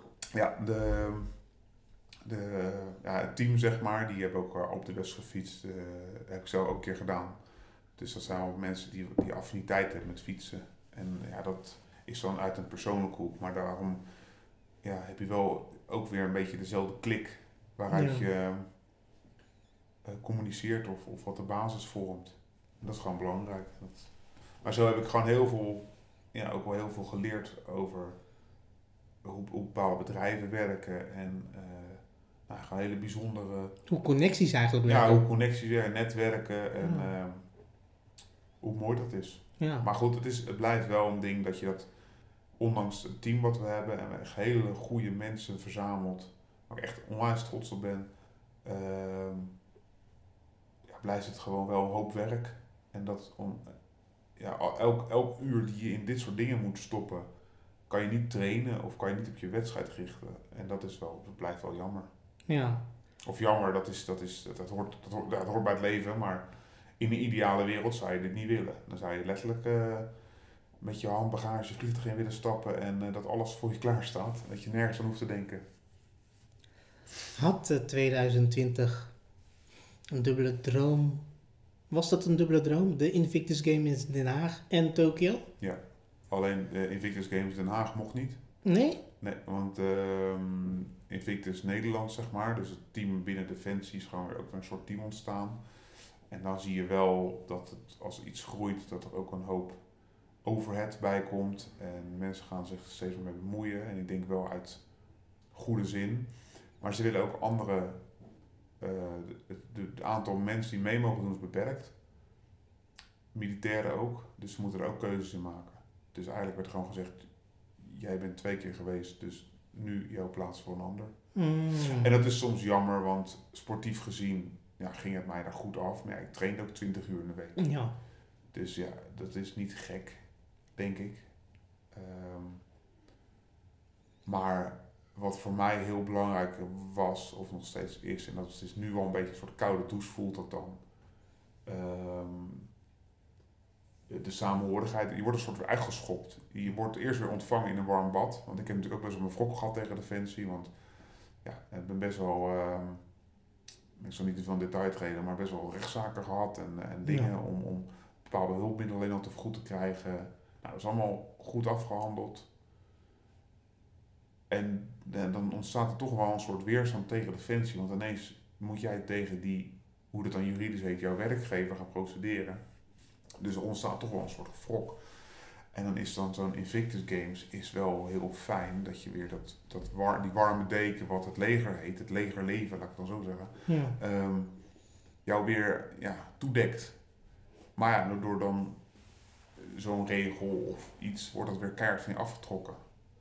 Want ik, voor mij was juist die samenhorigheid en die kameraadschap, wat ik bij ja, het defensiepersoneel terugvind, omdat ik er gewoon bij het team hoorde, zeg maar, ehm, gevonden heb. Ja. En dat wordt dan weer een soort afgenomen. Dus ja, dat is dan weer een soort wrok. Maar aan de andere kant, ik heb er onwijs een geweldige ervaring, ehm, levenslessen uitgehaald. En dat gun ik een ander ook. Ja. Dus zo, zo kan ik ook alweer relativeren. En je kan ook niet op het ene evenement en het andere evenement richten. Want spelen was natuurlijk wel een heel ding. Alleen ja, ehm, nu met COVID is het, of met corona, is het helemaal een, een, een heel moeilijk iets geworden. En wij hebben eind november of oktober of zo, hebben wij in 2019 hebben we eigenlijk gezegd, ons doel ligt niet binnen bereik Nee. om Tokio te halen. Maar dat heeft ook te maken met het aantal startplekken die gegeven worden. Eh, Voor de triathlon. voor de triathlon. De, zeg maar de beste acht van de wereld mogen meedoen. En je moest allemaal wedstrijden doen eh, zoals iedereen. En dan kon je punten halen en dan kon je stijgen op die ranking. Ja. Maar ook bij diezelfde wedstrijden werden ook weer de eerste tien bijvoorbeeld elke keer ingelood. Dus jij kon wel heel veel punten halen, maar dat deed de rest ook. Dus, dus het was een soort golfbeweging. Ja. Ik kreeg meer punten, maar de rest ook. Dus nu kwam er ook niet bij. En voor mij is het hardlopen altijd wel een, een uitdaging geweest. Eh, ik kan goed, redelijk hardlopen, denk ik. Maar misschien net niet goed genoeg. Want ik heb mezelf in 2019 wel echt over de kop gewerkt. Ja. Eh, in, in mentaal als fysiek oogpunt. En achteraf gezien denk ik dat ik al echt overtraind geraakt ben destijds. Echt heel ziek geweest. Dat je als nou, gezonde jonge man buiten sporten om gewoon allemaal rare, rare virussen eh, krijgt. Ja, ging je richting burn-out? Ja, eh, ja, het is overtraind, het is een soort sportburn-out. Je hebt gewoon geen zin meer om te trainen. En het is heel raar om dat te merken dat motivatie is er gewoon niet. Terwijl je denkt, nou, ik ga lekker trainen, maar het lukt gewoon niet. Ja, ik werd gewoon ziek. Dus ik kreeg het, eh, hoe heet dat, norovirus. Dus Ja. dat is een maag-darm Ja, eh, ik maar dat gebeurt vaak bij mensen die, die ouder zijn in een verpleeghuis en zo. Dus de arts, die, eh, mijn huisarts, die schokt er ook best wel van. van joh, dit is gewoon niet gezond voor een jongen van, eh, voor een dertiger, zeg maar. om dit, dit soort bacteriën te krijgen. Dus toen ben al aan de bel getrokken. En toen merkten we ook gewoon dat we inderdaad niet hoog op die ranking kwamen. Dus ja, toen hebben we eigenlijk gewoon besloten in goed overleg van nu is het nog gezellig. We kunnen misschien beter nu stoppen. Ook Koen die studeerde af en die moest ook ja, in zijn levensonderhoud gaan voorzien. Dus die moest eigenlijk gewoon gaan werken. En, en het niveau van de, van de triathlon, eh, daar kan je geen eh, reguliere baan bij hebben. Nee. Dus dat was allemaal een beetje een opstelling van. eh, om uiteindelijk tot de conclusie te komen dat ons doel misschien niet binnen bereik ligt. Maar eigenlijk heb ik altijd tegen Koen gezegd van die moet wel zien, we hebben een doel en we gaan voor dat doel, dat zijn die spelen. Eh, hallo Jade. Ja, je- je- wat jullie horen is Jade, die komt Ja, de hond loopt hier voorbij, maar dat maakt niet uit. Het is beest. Ga eens even zitten, schat. Ehm, eigenlijk hebben we altijd tegen Koen gezegd, of eigenlijk het hele team hebben we tegen elkaar gezegd van de... Want het was ook nog Pascal, is nog steeds een hele goede vriend van mij, was eigenlijk ja, de nummer twee. Ehm, de hele traject is de taart en de kers zijn de spelen. Ja, Weet je, het moet, alles moet leuk, of alles moet leuk zijn, dat klinkt heel zwaar, maar je moet alles wel met plezier blijven doen. En dat plezier ebt een beetje in de laatste maanden weg. Ook dat je wedstrijd niet binnenkwam, dat je op wachtlijsten stond. ja. Eh, dat je bijvoorbeeld, ja, we werken dus met een soort uitvallijst als iemand ziek is of niet op komt dagen of Dan mag je blesseert. net op komen dragen. Dan mag je op het laatste moment opkomen dragen. Kijk, en dat is niet zo erg als je nou in, eh, van Amsterdam naar Utrecht moet. Maar als jij in, eh, in Nederland zit en je moet over eh, anderhalve week of over een week of soms over vier dagen moet je in Canada aan de start staan. Ja, dat is gewoon niet te doen. Nee. Dat, dat, dat is een systeem wat ook niet goed werkt. Maar ik begrijp het ook gewoon soms niet. Want ze zeggen ja, de capaciteit van de wedstrijden is niet groot genoeg om meer atleten te laten starten. Maar ehm, na ons heb je wel een amateurklasse waar gewoon 3000 man starten. Ja, Terwijl wij misschien met 60 man zijn. Ja, dat is wel, eh, wel gek. ja krom natuurlijk. Ja. Maar heb je nu wel je pijlen gelegd op de volgende Spelen in een andere discipline? Nou, we zijn, ik, heb, ik heb tot 2012 ook gejudo'd. Ja, tot spelen, eigenlijk in Londen. Eh, dat was ook mijn, mijn eerste sport. Eh, maar door blessure ging Londen aan mij voorbij. Ik heb mijn, schouder gebroken. Dat was wel echt heel zuur. Daar was, was wel echt ziek van. En toen ben ik eigenlijk best wel afgezet tegen het judo. Van eh, dit wil ik gewoon niet meer. Ook een beetje vanuit thuis. Want ja, ik was net redelijk weer op de rit na mijn ongeluk. Met alle revalidaties, alle operaties. Eh, heb ik toch maar toen werd er wel gezegd van ja, weet je, ik was al twee keer geopereerd aan mijn knie en aan mijn andere schouder in eh, drie jaar wedstrijd judo. En toen zeiden mijn ouders van ja, misschien is dit niet de sport die je moet doen, want dan heb je zo'n zwaar ongeluk overleefd en alles is nu een beetje op de rit. En ik had een huis en eh, met mijn vriendin woon ik samen, nou, allemaal prima. En dan ga je jezelf nog even de vernieling werken. Verniet, letterlijk in de vernieling werken door het judo. Hè. En ja, dus zo, zo ben ik in, in de andere sporten uiteindelijk bij het triathlon terechtgekomen. Maar ik heb eigenlijk altijd gezegd, ik wil gewoon weer terug naar de judo. Ook omdat het gewoon een hele eenvoudige sport is als zijnde... Je hebt geen dure fietsen nodig, geen dure wielen, geen buddies. Want judo doe je nooit alleen. Dus in principe als je een leuke sportschool treft, en die heb ik nu weer gevonden... Ja. ehm, heb je gewoon leuke mensen en je traint gewoon samen.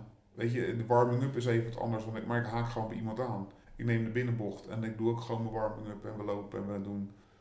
ehm, soms is het even voor, de, voor degene die de lessen geeft, is het wennen, want die doet dingen voor. Nou, pak mij als leidend voorwerp. Dan ben ik letterlijk het leidend voorwerp vaak. Maar dan weet ik wel gelijk wat, er- wat er moet gebeuren. En niet Ja. als iedereen bezig is, dat het dan als maar uitgelegd moet worden. Want anders loop je altijd 1-0 achter. En dat is dus weet je, dat zijn even, noem het mindset. Ja. Ehm, weet je, ik moet gewoon mijn reguliere sportschool, heb ik op een gegeven moment, heb ik, eh, nou, spinning, dat kun je gewoon natuurlijk mee gaan doen, want je hebt een fiets. Maar ik heb ook yoga gedaan, of pilates. Toen zeiden mensen, ja, kan je dat dan? Nee, dat ligt dus aan hoe degene die Uitlegt. voor de klas staat, Ja. het uitlegt. Als die goed die cues doet en jou goed coacht en iedereen goed coacht, dan is het gewoon heel goed te volgen. Ja. Ja, dat, eh ja, zodoende. Maar ik heb eigenlijk helemaal geen, nou niet dat ik me kan herinneren, dus het heeft nooit veel impact gemaakt, van negatieve ervaringen met bepaalde sportclubs. Het tandemwielrennen is wel eens gezeik geweest met eh, de reguliere verenigingen, omdat we reden te hard. Eh, het was gevaarlijk met een tandem, dan moet je je voorstellen, rij je gewoon met een tandem, eh, wel een race tandem, rij je dus tussen peloton wielrenners bij, gewoon op zo'n wielerbaan. Dat was gewoon, dat is gewoon super gaaf. En er zijn 80 mensen, of 80% is super enthousiast. En vindt het gaaf. En, eh, maar er zitten ook nog een paar zeikers tussen. Klopt, en die, Die, die lopen het hardst te schreeuwen. En Ja. het is niet veilig. En ze rijden te hard. En ze winnen alles. En ja, nogmaals. Als je een beetje biologie of na- natuurkunde, moet ik goed zeggen, eh, kent, dan weet je dat een, een tandem gewoon 180 kilo weegt met twee rijders erop. En een solofiets op zijn racefiets van, eh zeg ook eh 80 kilo plus een fiets van 10 kilo. Ja, die is gewoon veel sneller de bocht uit en die is veel wendbaarder. Dus ja, wij kunnen meer vermogen genereren, maar we zijn net een vrachtwagen tussen sportauto's, Ja. zeg maar. Dus ja, maar goed. Wel eigenlijk altijd dat soms frustratie, maar nooit echt frustratie laten worden. Ja. En ehm, nou, als de spelen dus doorgaan, eh, dan wordt het de discipline judo. Ja, ik ben nu al bezig met judo, maar voor de Tokio denk ik eh, kans eh, niet. Nee? Gewoon niet, nee. De Want volgende nu- spelen. Ja, dat wil ik me wel op richten. Maar ook gewoon kijken hoe het thuis gaat en met mijn werk. En ik ben nu 37, dus ik kan nog wel even mee. Ehm, zeker één spelen, zeker nog wel. Maar goed, ik moet ook gewoon kijken hoe het allemaal loopt. zijn hele mooie vooruitzichten. Zeker. Waar de, de meeste mensen van jou, eh, waar de meeste mensen jou van kunnen herkennen, denk ik. eh, de ziende mensen in ieder geval, is van een bepaalde tv-serie. Ja, ik heb in eh 2015 hebben we voor Bartemeus hebben we het programma Blind naar de Top gedaan. En dat is eigenlijk ook weer een soort ambassadeurschap geweest om te laten zien eh, wat allemaal wel kan met een beperking. En Ja. niet altijd zomaar in het negatieve wat er vaak toch heerst. En daar ben ik zeker heel erg van, want ik, ik geloof niet zo in het, in het negatieve. Ehm negatief is maar zo negatieve. Eh, dus nou, we hebben met een groep blinden gezien. Dan zouden we eerst eh, de Mont Ventoux, De Mont Blanc. eh, sorry, eh, Mont Blanc beklimmen. Toen kregen jullie geen vergunning, nee, hoorde ik. Nee, eh, de, de Fransen vonden Ja. het niet eh, verantwoord om een stel blind bedden Nee. op te sturen. Kijk, op de, de- hoe ik dit te weten ben gekomen is dat is ook wel heel nou ja, toevallig. Of nee, ik geloof niet in toevalligheid. Maar ja, Wilco van Rooyen. En die heeft jullie eigenlijk begeleid naar de top eigenlijk. Ja, nou, die gaat... Dat is eigenlijk de bedoeling dat hij mij ook gaat begeleiden naar de top van de Dammevant in Iran. Dus eh, vandaar dat die, eh, ja, ik het een en ander weet hoe het is gelopen. Funny story. Eh, uiteindelijk zijn jullie toen naar Tanzania gegaan Ja. voor de Kilimanjaro. ja, dat is de hoogste berg van Afrika. Met Ja, 58, 186 meter uit mijn hoofd gezegd. Ik heb het niet nagemeten trouwens. ik dacht al 5,9. Ja, bijna ja. Ja. Dus wat, hoe was die ervaring? Want je was, Nou, je ik- staat onderaan zo'n berg. ja, want je was je niet naar- bang voor de hoogte en bang voor de condi- conditie. Nee, even serieus. Eh, mijn grootste uitdaging daarmee was, ik werd opgebeld ehm, eh, met de vraag, een beetje raar, maar zou je een berg willen beklimmen? En toen was het voor een televisieprogramma samen met Lieke van Lexmond en, en toen zei ik ja. en dat was, eh, nou, de, eh, was, dat was voor RTL 5 zou het Blinden de Top worden, samen met Lieke van Lexmond en Dennis Wenink. En die gingen dan met ons gedeeltelijk geblinddoek mee naar boven. En mijn grootste uitdaging voor mij persoonlijk was, ik, was, ik heb nooit echt aangetwijfeld of we die top zouden halen of niet. Maar ik vond het wel super spannend om zonder hond, zonder vangnet. Want Bekende mensen ja, in Nederland is natuurlijk altijd wel, je spreekt de taal goed. Ja. Eh, er is altijd wel iemand, als het echt niet lukt, dat je even kan aanspreken of voor mij wordt kan bellen. Of de evacuatiemogelijkheden. Ik bedoel, Dat bedoel ik meer, Ja. dat er altijd een backup plan is. Ja, dat was in, in, in Afrika natuurlijk niet, want ja, we gingen erheen met vijf blinden, een tv-crew die we amper kenden, een producent die nou, een x aantal keer in de voorbereiding hebben gezien en wat, we, we hebben wat gewandeld in voorbereiding, wat, we hebben echt kilometers gemaakt hoor, maar en zodoende eh, sta je ineens op Schiphol en staat er een heel klein matsie, dat is mijn zoon. Die plakt nog een paar stickers op mijn koffer. En dan moet je naar een vliegtuig toe. En dat vond ik wel, ja, dat was voor mij, ik heb het niet laten merken, maar dat was voor mij wel even een dingetje. ik Ook zou wel denken... vreselijk gelach hoor. Ja. Ik zou echt denken, mensen gaan naar boven, die maken zich zorgen om hun conditie. Eh air sickness. eh, hoe ga ik die berg op blind? Maar jij maakt je zorgen eigenlijk om, eigenlijk om de randvoorwaarden meer. Ja, daar had ik geen controle over. Kijk, Nee. die berg... Is niemand, is- nee, kijk, maar niemand had die berg nog beklommen. Nee. Wilco was de enige die echte ervaring heeft. Eh, weet je, hij is de enige Nederlander, of nee, niet.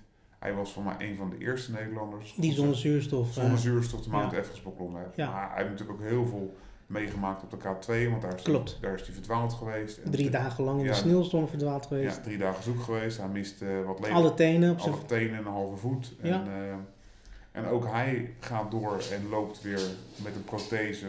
Ja, Eh, hij beklimt... hij gaat volgende maand weer naar de K2. Ja, super gaaf. En hij doet ook heel veel solar dingen. Ja. Kijk, zo'n ervaring was, maar voor de rest was er ook geen ervaring. Want wij hebben ook een cameraman gehad die op een gegeven moment last van hoogteziekte krijgt. Daar hebben ze nooit over nagedacht. Dat ja, je neemt twee camerateams nemen ze mee. Eh, en niet, maar wel met het idee van er wordt door twee camerateams gefilmd. Maar ja, als Ja. je dan al een, een, een, een cameraman krijgt die, die zich niet tof voelt, dat is niet goed. Nee. Dus je hebt... nee, je bent uiteindelijk Nou ja, naar boven geweest. Ja, we zijn helemaal naar boven geweest. En dat was wel heel mooi. Want het laatste stuk... Het is gewoon heel bijzonder op zo'n hoogte. Er gebeuren gewoon dingen. En dan zeggen mensen... Ja, je het dan zien. En eh, weet ik het allemaal. Maar dat is helemaal niet waar. Want je gaat door vijf klimaatzones heen. Weet je, je begint ongeveer in de jungle. En dan krijg je droogte. En Ja. alles krijg je voor, voor je kiezen. Sneeuw. We hebben een soort sneeuwstorm gehad zelfs. Weet je, als, Temperatuurverschillen. ja, want je gaat van... Wat is het? Bijna 30 graden naar min 20. En alles ertussen. En dat Ja. in een paar dagen tijd. Maar je moet ook slapen op een berg. En dan denk je, ja, slapen op een berg. Maar het is geen centerparks. ik lag op een gegeven moment, ik had een, mijn maatje Patrick, want er waren twee mannen en, en drie vrouwen. Dus wij als, als jongens moesten wel een front vormen, anders zouden die, die meiden nooit overleven. Dus ja, Patrick en ik eh, hebben samen in een tentje eh, eh, moeten slapen. Maar dan lag je ook gewoon op een soort rotsgrond en dat was niet helemaal recht. Dus je zakte halverwege de nacht naar beneden. Ja, weet je, het zijn allemaal van dat soort... Je hebt wel daar guides of, of Ja, de begeleiders, Sherpa's. de Sherpa's. Die, die gaan gewoon niet alleen voor ons mee, maar die gaan voor iedereen. Is het gewoon een soort bron van inkomsten Ja, daar, een verplichting, Ja. dat de Sherpa's met je meegaan. Ja. Maar ze kennen ook het terrein, ze kunnen heel veel vertellen. Je moet wel Swahili spreken. Maar goed, ondertussen ken ik natuurlijk al heel één of twee woordjes Swahili. nee, maar op een gegeven moment, ja, met Engels en handen en voeten kom je ook een heel eind. Dan is het soms wel moeilijk als je ze niet ziet. Als je dan moet communiceren met handen en voeten. Maar ook daar vind je een weg in. En dat is ook gewoon gaaf om te merken. En je, zit, je trekt een aantal dagen met zo iemand op. En dan, ja, ik had Abu. En eh, hij werd wel een beetje als de baas gezien. eh, door de andere Sherpa's of de andere, andere mannen. Maar ja, het is wel... eh, en dan weet je, de vrouwen werden ook vaak door vrouwen begeleid. Ja. Maar het is gewoon een hele... Ja, je, je, je merkt gewoon dat je heel snel een team vormt. En die hoogte is gewoon bijzonder, want je wordt s'nachts wakker. En ik weet natuurlijk met sporten weet ik best wel ondertussen veel van je hartslag. En nou goed, je wordt gewoon wakker met een hoge hartslag. En die, door- en die ja. zakt gewoon niet Nee, meer. komt door de hoog- zuurstof. Ja. En je moet gewoon heel veel blijven drinken. Terwijl er is niet veel drinken. Eh, Hele stomme dingen. Ja, eh, denk aan je stoelgang. Want je moet het niet op gaan houden. Omdat Nee. je denkt, ik heb hier geen luxe toilet. Want als je verstopt raakt, heb je wel een uitdaging. Klopt. En het grootste probleem, wat heel veel mensen niet verwachten, is dat we bergen beklimmen. Als je je, moet ook naar beneden. als je op de top bent, ben je pas op de helft. Ja. Het enige voordeel is wel, je, je zakt in hoogte. Dus die ho- Ja. hoogte, je hebt geen last meer van hoogteziekte of andere eh, hoe je zegt, de ongemakkelijkheden daarvan. Alleen ja, wat voor mij wel heel lastig is, het geval op, op een berg opvallen gaat niet zo makkelijk. Nee. Maar een berg afvallen, wel. Want je moet gewoon zien, de terugweg is gewoon een, een, een, een klim van 30 kilometer trap. En dan de traptreden die variëren van 10 centimeter tot 2 meter en alles ertussen. Ja. Als je mij, wij hebben hele mooie, ik had hele mooie wandelschoenen. Nou, die heb ik nog steeds, die heb ik wel bewaard, want ik gebruik ze nog wel eens. Maar die zien er niet meer uit. Er zitten echt allemaal sneeën en dingen in, in het, in, in het rubber. Gewoon van de scherpe rots en stenen. ja. Dus En hoe heb je dat gedaan? Heb je dat eh, ook met een soort van, eh, ja, met Running Blind zo'n band gedaan? Of met een stok? Of, eh, Nou ja, weet je, dat is ook we- wel grappig, want natuurlijk de hele klim is gefilmd, maar de Ja. terugreis niet. Terwijl de, de, de naar beneden, wat misschien wel spannender was, toen we boven waren, zeiden ze, nou jongens, bedankt, we hebben gefilmd, we gaan, doei. Nee, dat grapje. Toen hebben ze, toen zijn we wel eigenlijk gewoon, ja, als groep weer naar beneden gegaan. Maar dat was, vond ik wel, het meest energiekostende Ja? tijd. Ja, dat kostte mij wel het meeste energie. Maar je bent natuurlijk al best wel moe. klopt, ja. En dan moet je nog naar beneden en dan moet je wel geconcentreerd blijven. En je zit natuurlijk ook met dag en nacht. En ze, Ja. ehm, Want deden jullie de Kilimanjaro ook in etappes? Dus je Ja. gaat van 4 naar 5 en dan van Ja. 5 weer naar 4, ja? Ja, en op een gegeven moment ga je weer, want het is ook een heel stuk, dan moet je eerst klim je redelijk omhoog en dan kom je redelijk al op hoogte. En dan moet je een heel stuk afdalen om weer naar de volgende top te kunnen. Ja. Dus dat zijn wel, eh, maar er zitten ook, weet je, sommige stukken zijn echt wandelen. En dan moet je echt denken aan een soort heel groot grimpad. Met allemaal lavasteen en eh, hartstikke mooi. Maar er zitten ook stukken tussen Waar je echt moet klimmen waar je echt wel tussendoor moet klimmen. En klauteren. laat, laat ik het zo zeggen, in Europa zou je aan alle kanten vastgezekerd worden. Ja. Misschien zijn dan de, de, de standaarden van een, van een Tanzania iets anders dan in, eh, in Nederland of in Europa. Ja, Dus dat is wel echt heel bijzonder. Ja, dat lijkt. Ik, ik vind, ja, ehm, het is voor het eerst dat ik, dat ik ook een berg ga beklimmen. Ik ga eigenlijk ehm, eh, nou, met, met een bekende van. Het zijn twee bekenden van ons eigenlijk. Wilco Ja. gaat mee en eh Hein Noordman. Ja. Eh, die heeft ook een heel ernstig ongeluk gehad. En die is. in 2016 heeft hij een klimongeluk gehad. Hij is van 15 meter naar beneden gevallen Ja. op een betonnen vloer. Daardoor heeft hij zijn hele lichaam verbrijzeld en is daardoor blind geworden. Nou, ik ben dus toen, toen hij het ongeluk gehad heeft, heeft Wilco mij benaderd om Naar het ziekenhuis te komen. ja. ja, hij lag toen in het revalidatiecentrum voor Hein, om eigenlijk gewoon even met hem te praten. Ja. Dus met hem ga ik eh, ja, de, de Mount Damavand ga ik beklimmen. Die is iets lager. Die is wel die is 5611 meter als het goed is. En we hebben gekozen eigenlijk ehm, voor Iran omdat het eh, ons een mooi ehm, gebaar of teken zou zijn als iemand uit een islamitisch geloof eh, een westerling naar boven helpt. Eigenlijk hand in hand zo.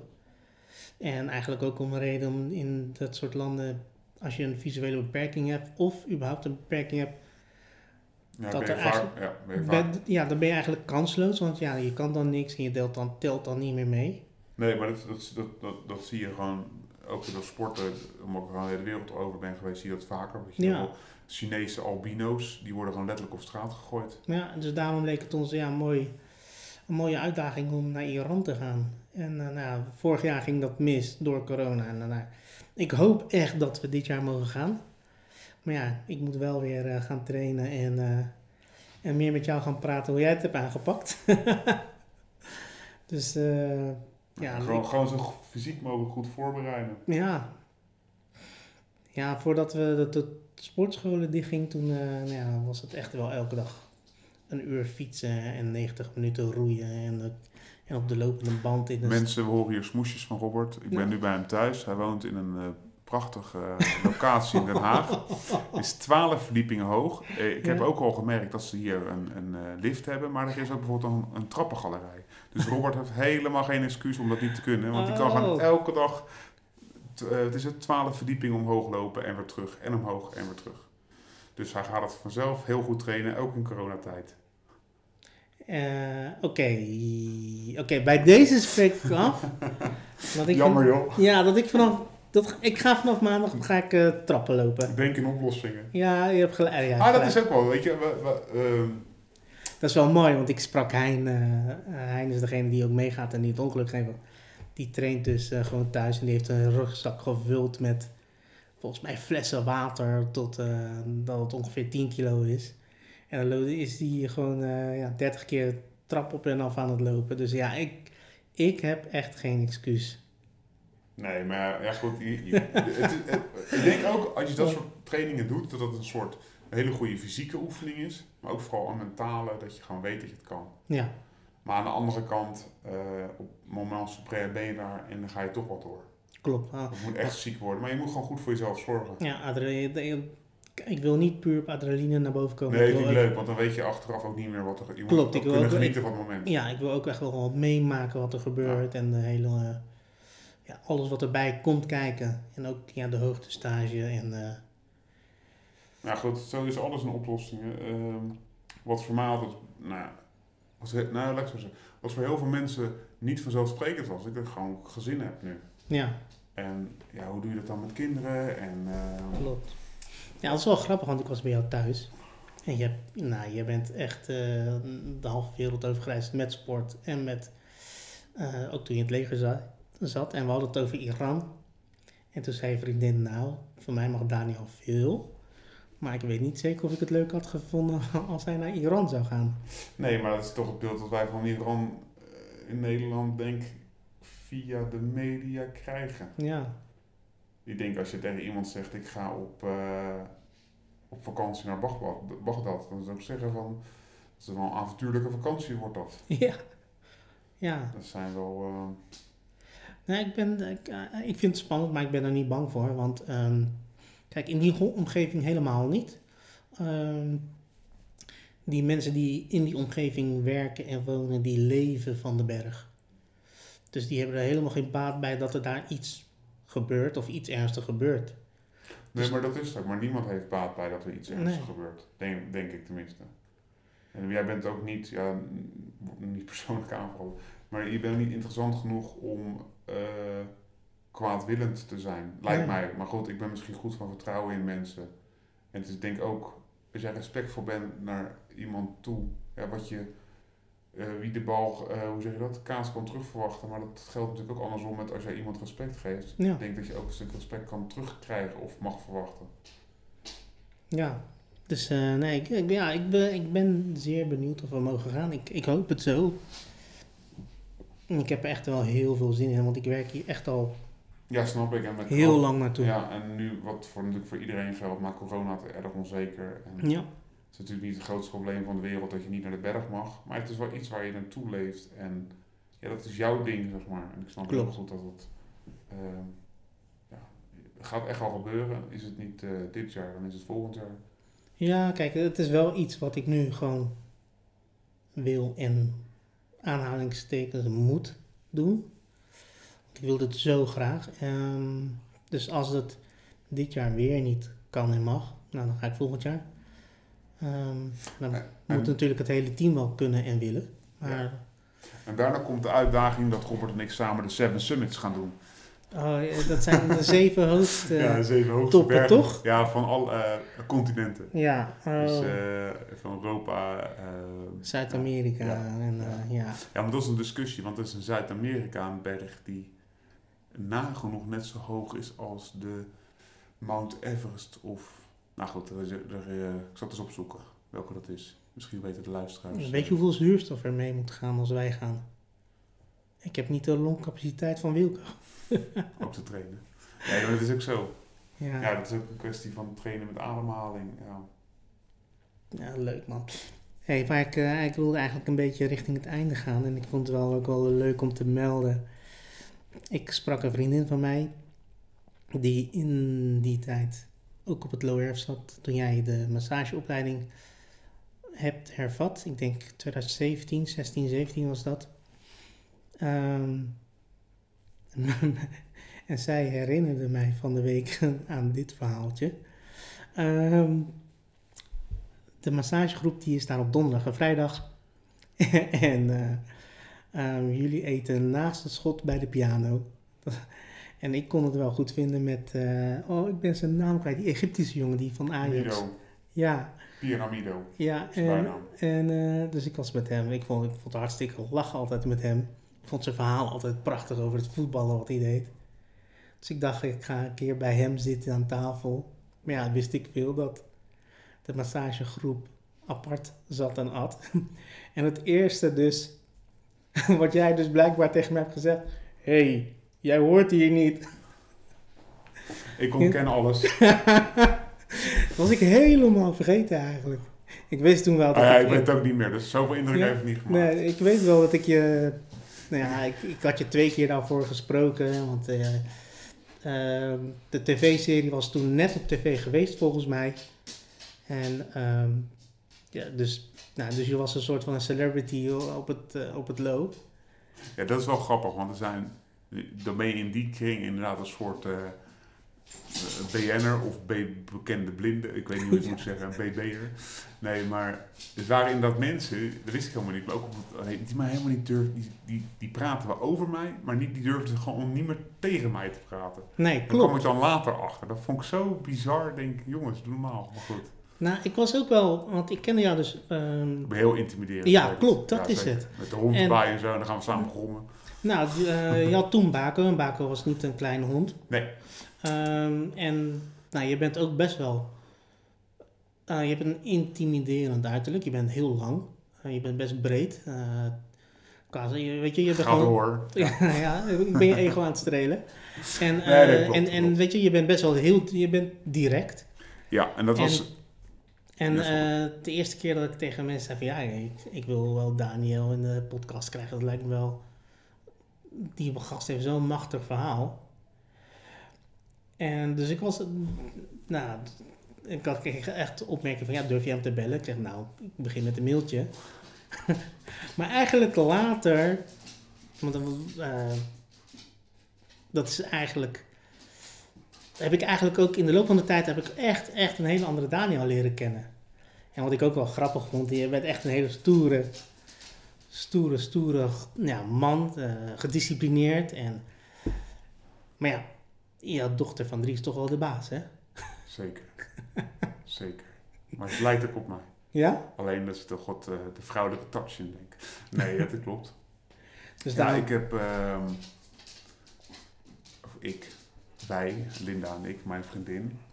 Die hebben nu een eh, zoon van zeven, een dochter van drie en een baby op komst. En nu heb jij een scoop. Kijk. En als het volgende maand wordt uitgezonden, dan eh, weet iedereen dat de derde op komst is. Gefeliciteerd, man. Nou, dankjewel. Ik- Ja, dat is, wel, eh, dat is ook wat corona doet, hè? ja, Thuis trainen. inderdaad. dus dat doe jij als we... Als we, Als we, niet, als we niet mogen, als sportscholen dicht zijn. Ja, inderdaad. allemaal- Nee, maar... Nou ja, het eh, over kinderen, ik vind het... Nou, dan, dan stoppen we ermee hoor, maar... ehm, ik vind het bijzonder hoe mensen reageren... ehm, over hoe moet je met kinderen omgaan. Ehm, kan je wel een kind nemen als je het zelf niet ziet. Ja, Wat natuurlijk wel echt enorm kut is. En daar heb ik gewoon geen andere woorden voor. Nu krijg ik, wordt mijn dochter weer boos. Zegt ze, papa, dat zijn geen manieren. maar ehm, is dat je je kinderen nooit kan zien. Ja. Weet je, en ik ervaar ze donders goed hoor. Ik ken alle streken en dingen. En ik, natuurlijk voel ik hoe ze eruit zien. Want je hebt zoals vanaf Klopt. baby heb je ze, nou ja, letterlijk dagelijks onder je handen. Dus je merkt die verandering. Maar goed, het blijft lastig als je het niet kan zien. Maar voor de rest krijg je natuurlijk heel intens veel van ze mee. Ja. Eh, en, en ze groeien ook mee met jouw beperking. Dus ik vind je soms wel, in het begin eens gehad dat mensen zeggen, ja maar je kan toch... Ik heb gehad, ik liep met mijn zoontje Mats en dan had ik in eh, zo'n zo'n eh, babydragertje. Dus dan hangt hij gewoon voor op mijn buik, want met een kinderwagen lopen is gewoon niet praktisch. En een hond en een kinderwagen, dat schiet gewoon niet op. Dus dan heb ik gewoon een soort, ja, zo'n dragertje. En toen liep ik voorbij en het is ook een beetje de, ja, zeg, hoe, hoe, hoe sommige mensen blijkbaar over blinde slechtzienden denken. Die denken dat je compleet debiel bent. ja. Dat heb ik, Ik soms was- ook wel eens hoor. Nou, precies. En dan was ik nog een drie meter verder. En toen zeiden ze, wat moet een blinde nou met een kind? Dat kan toch niet? Ik denk, jongens, Ja. jongens, waar hebben we het over? Dat, dat, dat heeft me wel ontzettend... Nou, dat ik het nu nog weet, want dat is nou, Mats nu zeven. Dus hij was, eh, nou ja, dat is eh, zeven jaar geleden, zeg maar. Dat heeft me wel eh, diep geraakt. Tot, tot echt, tot alle, door alle Ja. schilden en harnassen die je in de tijd eh, opbouwt op je, op, je, op je ziel. Ging er wat dwars doorheen, ja. Ja, ik vond het ook wel weer eh tekenend dat, dat ook wel een andere kant van je zien. Want je zei een keer, ook weer op Clubhouse, voor mij maakt het niet heel veel uit wat er met mij gebeurt. Maar als ik kan het niet hebben, nee, ik, kan het dan niet hebben als er dan iets met mijn kinderen gebeurt. Nee, dat vind ik wel. eh, maar dat is denk ik gewoon ouder zijn. Ja. Hoor. Dat je gewoon. Zodra je kinderen krijgt, is jouw leven voorbij. En dan doe je alles voor je kinderen. Ja, je gaat, nee, je gaat letterlijk door het vuur voor je kinderen, denk ik. En, en ja, dat. En ik vind het wel, en dat is natuurlijk al mijn beperking. Eh, Het natuurlijk zijn beperkingen. Maar aan de andere kant, ik ben wel heel veel samen met mijn vriendin die werkt. Ik ben met mijn sport altijd bezig geweest. Nu wat meer thuis. Ook met corona veel thuis. Ja, het is, en, en ik vind het fantastisch om, om de rol van huisvader, man, slash te hebben. ja. Ja, leuk man.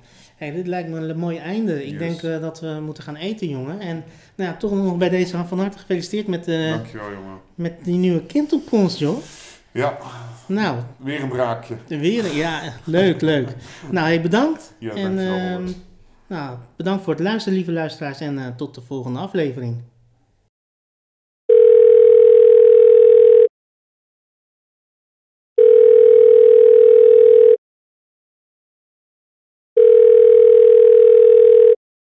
Hoi, met Daniel. Spreek maar wat in. Beste Daniel, Jij werd blind door een ernstig ongeluk in het buitenland. Je collega reageerde adequaat, anders was het een dubbeltje op zijn kant. Vele operaties door artsen die jou niet wilden laten barsten. Aan het front stond jij vechtend voor vrede, tot in bed vechtend tegen het vrede. Blindheid en tegenslag waren voor jou geen barrière. Fietsen en judo zijn nu jouw carrière. Door met jouw maatje Koen te blijven trappen op de pedalen, wist jij op de Invictus Games goud te behalen.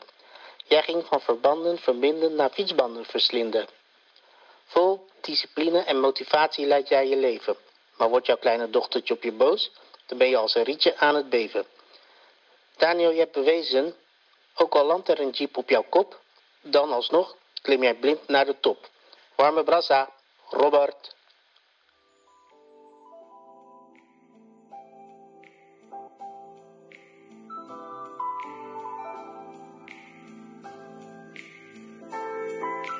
Wil jij op de hoogte blijven van de nieuwste afleveringen van Blind Vertrouwen podcast? Abonneer je dan via je favoriete podcastkanalen. Ook zijn wij te vinden op social media onder de naam Blind Vertrouwen podcast. Bedankt voor het luisteren en tot de volgende aflevering.